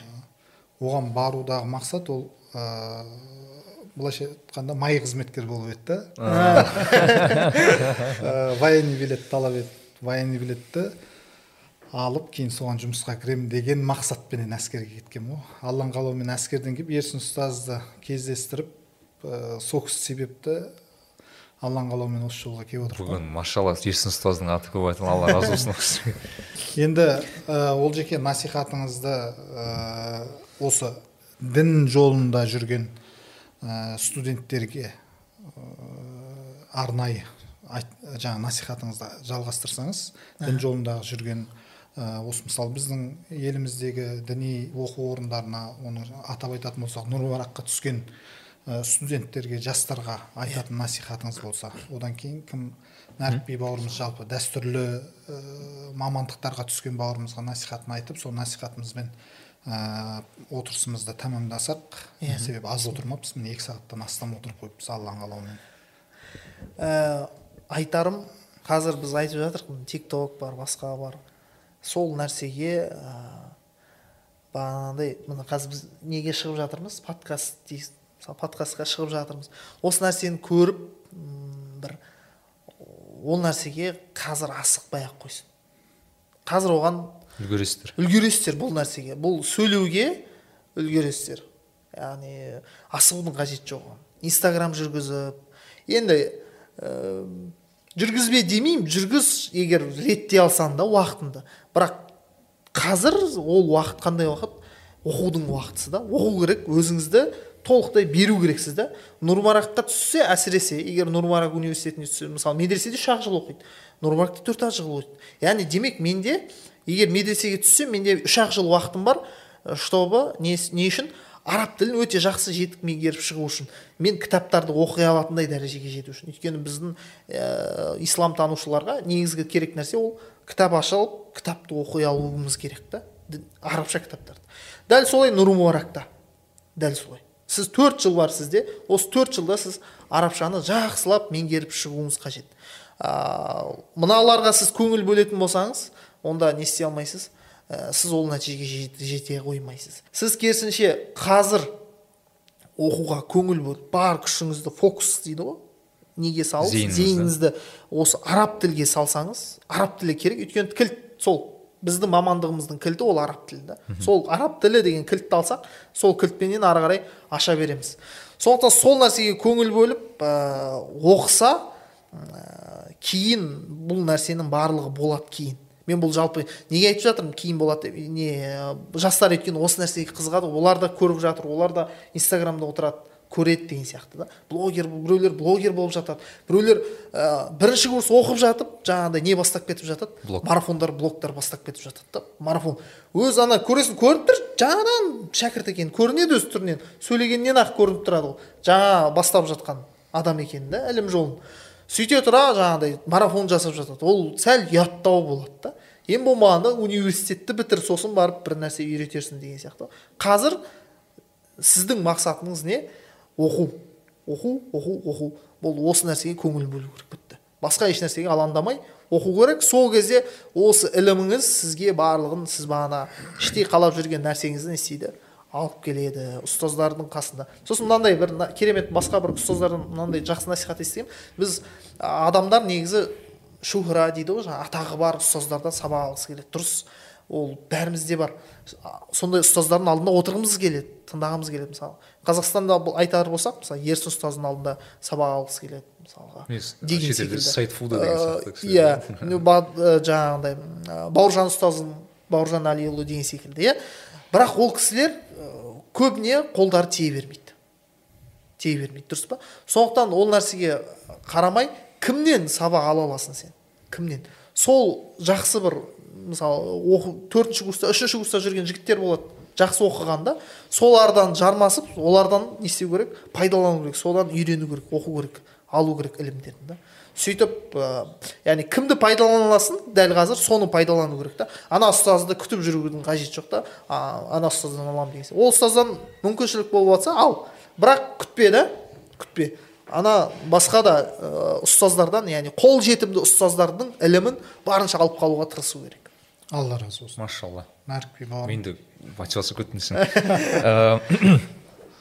ә, менің енді айтарым ә, біз енді қазір дәстүрлі университеттер туралы айтып отырмыз ғой. Ә, бір ә, екі ә, енді орысша айтсам грань дейді ғой. Екі бір не бар да бұл жерде? Баланс сақтау керек та. Яғни екі бір жақ иә екі ұшы бар таяқтың екі ұшы бар. Бірінші ұшы ә, көп балалар сабақ оқымай кетеді университетке түсіп адасып кетеді көбінесе мысалы жетілдім деп қалады ғой енді иә мысалы студенттік өмір осы деп ойлайды. Ойлайды иә. Мысалы келеді да мә күшті екен бүйтемін сөйтемін деп оқуды тастайды. Шын айтқанда официант болып жұмыс істеп кетеді таксиде жұмыс істеп кетеді подработкаға кетіп қалады тик ток түсіріп кетеді. Ну жаман жағын айтқан жоқ просто негізгі мақсатынан кішкене кетіп қалады. Иә. Мақсатын жоқ мақсатын жоғалтады. Ол бір бір зат. Ә, екінші бір мәселе таяқтың мына мына жағы мына ұшын айтатын болсақ тек оқитын балалар бар. Оқу оқу оқу оқу оқу аздан кешкін оқу. Бір жағынан жаман деп айтпаймын. Ол мына жағын мынаған қарағанда қайда дұрыс. Бірақ оның проблемасы бар. Ә, сұрақта мысалы әлемде мықты университеттер бар. Рейтингтер мысалы стэнфорд гарвард ә, кембридж. Кембридж MIT дейді. Өте көп айви лиг деген бар лига плюща дейді короче ең американың мықты университеттері. Сұрақта олар мықты үйрете ма? Білімдер соншалықты артық па? Жоқ. Шын айтайын. Мен өзім ә, қазақ британ университетінде сабақ берген адаммын ә, білім ол барлық жерде білім. Курсер деген сайт бар сол жақта тура сол сен бірдей ә, білімді ала аласың. Мүмкін басқа ұстаз. Яғни сізде айтып отырсыз ұстаздар бар. Әрине ол жақта да бар. Мысалы бізде дональд кнут деген бір кісі бар. Алгоритмдерді жасаған кісі өте шал кісі да. Бір шалығында прям уже болды ана кісі уже гигант та. Бірақ лекциясына барсаң ештеңе қақпайсың. Ол уже өзі әлемде өмір сүретін кісі да. Бағанағыдай да яғни ол типа суперзвезда. Принстон деген университетте сабақ берді есімде болса. Бірақ қызығы сол білімді кез келген жерден алса болады. Бірақ неге стэнфорд ол стэнфорд ал гарвард ол гарвард неге? Өйткені ол сол жерде оқитын бала мысалы есінде болса ә, суркер марк цукерберг кажется стэнфорд или гарвардта оқыды. Қайсысын точно айта алмай қайсысын оқыдым бірақ сенің бір бір курста оқитын однокурсникің сондай бір жігіт болуы мүмкін. Сондықтан сол, сол да бұл жерде шешіп тұрған. Яғни олар өте отборный отборный дейді ана сапалы адамдарды жинап студенттер жинайды да кейін айтады осы сенің ә, нелерің ә, однокурсниктарың бір кейін бір миллиардный компанияны басқаратын жігіттер болады сондықтан олар танысуға бір нәрсе істеуге бастайды. Яғни айтқым келгені не? Нетворкинг. Қазір мұсылман жастардың арасында өте бір түсінбейтін нетворкинг өте өте керек зат. Даже мен айтайын жұма намаз жұмаға бару нетворкингтің бір несі ортасы да неге өйткені көрген кезде сен жұмаға бәрі келеді ғой. Бастық та келеді иә. пол жуушы та келеді. Бай да келеді кедей де келеді. Сол кезде бәрі амандасқан бәрі бірдей ғой. Яғни нетворкинг жасалайды да. Яғни ә, студент кезде өте білімнен бөлек иә дұрыс нетворкинг жасаса, екен деймін да. Яғни өйткені сені жұмысқа алатын сенің білімді еме, білім білмең емес негізінде. Сөйлесе алуың да. Яғни ә, екі түрлі қасиет бар адам бойында ол қазір ағылшын адамның енді тілінде hard skills soft skills деп бөледі. Hard skills деген сенің жеке білімің. Математиканы білуің мысалы сіз араб тілі болса араб тілін білуің тағы тағы сенің үйрену керек затың да. Ол бір. Soft skills деген бар. Ол ә, сенің адамдармен сөйлесе алуың өзіңнің бір идеяңды жеткізе алуың. Жалпы адамдардың қарым қатынас жүргізе алуың ғой. Ең қызығы ең қызығы hard skills бағанағы. Оны дамыту қайда оңай екен? Яғни например университетте сен мысалы сіз түстіңіз араб тілін білмейсіз. Бітіресіз араб тілін зудыратасыз. Төрт үш төрт жылдың ішінде. Күшті да? А софт скилс қайда қиын екен одан? Ондай университет жоқ софт скиллсті үйрететін. Оны тек өмір көрсетеді екен да. Сондықтан бір айтарым оны тек тәжірибе жүзінде. Яғни менің өзім тәжірибемде мен жұмыс істеп көрдім. Көп жерде. Ана жаққа барып жұмыс істеп көрдім. Жұмыс дегенде яғни тәжірибе алып та яғни өз мамандығымды түрлі түрлі жағдайларда көрдім. Сондықтан да аллаға шүкір көптеген тәжірибе алып үлгердім. Жас кезімде. Сондықтан да мен айтқым келгені стажировкалар көп. Өз мамандығында соған барыңыздар. Әсіресе мысалы инженерлер болса. Өз мамандық бойынша түрлі жұмыс жұмыстарды көріңіздер. Ә, түрлі түрлі жалпы дамуға тырысыңыздар және де ең басты дұрыс нетворкинг адамдармен дұрыс таныс таныс деген жаңа көбісі бізде бар таныспен кірді деген бір жаман зат болып көреді. Мен сіздерге айтайын бүкіл әлем солай жұмыс істейді. Жастарға ә, не болсын ынталандыру болу мақсатында жаңағы мотивация болу мақсатында мысалы осы тәжірибелер алу барысында қандай жетістіктерге қол жеткіздіңіз мысалы? Ә, мен мысалы ә, мен программистпін. Мысалы ә, программист адамға ең қиын зат ол проект табу да дұрыс. Дұрыс проект табу. Ә, неге? Өйткені сенің тәжірибеңе адам енді былай бір кісі келіп тұр оған бір қиын бір проект жасау керек та. И сен келіп тұрсың оның алдына. Мен жасаймын дейсің? Ол сен не проект жасадың оған деймін ең проблема осы. Университет бітірген балада проект жоқ. Ноль иә ол саған пустой лист келіп тұр да сенде мүлдем ешқандай не жоқ. Ол бала жасай алмай көптеген стартаптар осылай құлап қалған біздің арасында. Некомпетентный балаларға берген да. Ал сен егер бірінші курстан бастап үйрене бастасаң проекттер жасай бастасаң төртінші курста сен бір мынандай немен келіп тұрсаң алмайтын компания жоқ сен кез келген университетте алады сені стэнфордта гарвардта алады жұмыста гуглда алады сені бәрі алады бірақ сен еңбек етуің керексің да ол үшін. Еңбек ету деген тек бағана кітап оқып бүйтіп ол емес. Ол ол үйретіледі. Ең бастысы дұрыс нетворкинг. Амалға асыру соны. Жұмыс істеу проектті жасап көру стажировка өтіп көру жұмысқа тұрып көру. Жалпы активный болу да университет кезінде. Тек сабақ емес спортпен де айналысу. Мен айтамын спортпен көбісі оқымайды спорт айналыспайды. Спорт деген өте бағанағы нетворкингтің жақсы жері. Таңертең мысалы айтайын ба қызықты вот болған жағдай ә, спортпен айналысады ғой адамдар. Мысалы бізде қазір айронмен деген бар ә, мықты бір ол андай бір өте қиын спорт та. Иә. Ә, ол жерде жүгіру бар жүзу бар және велик бар. Өте бір бір он екі он үш сағаттық бірден тоқтамай жасау керексің ең қызығы онымен көбінесе бизнесмен қалталы кісілер айналысады да. Ойлайсың ғой ол спорт туралы? Ғой спорт туралы емес ол.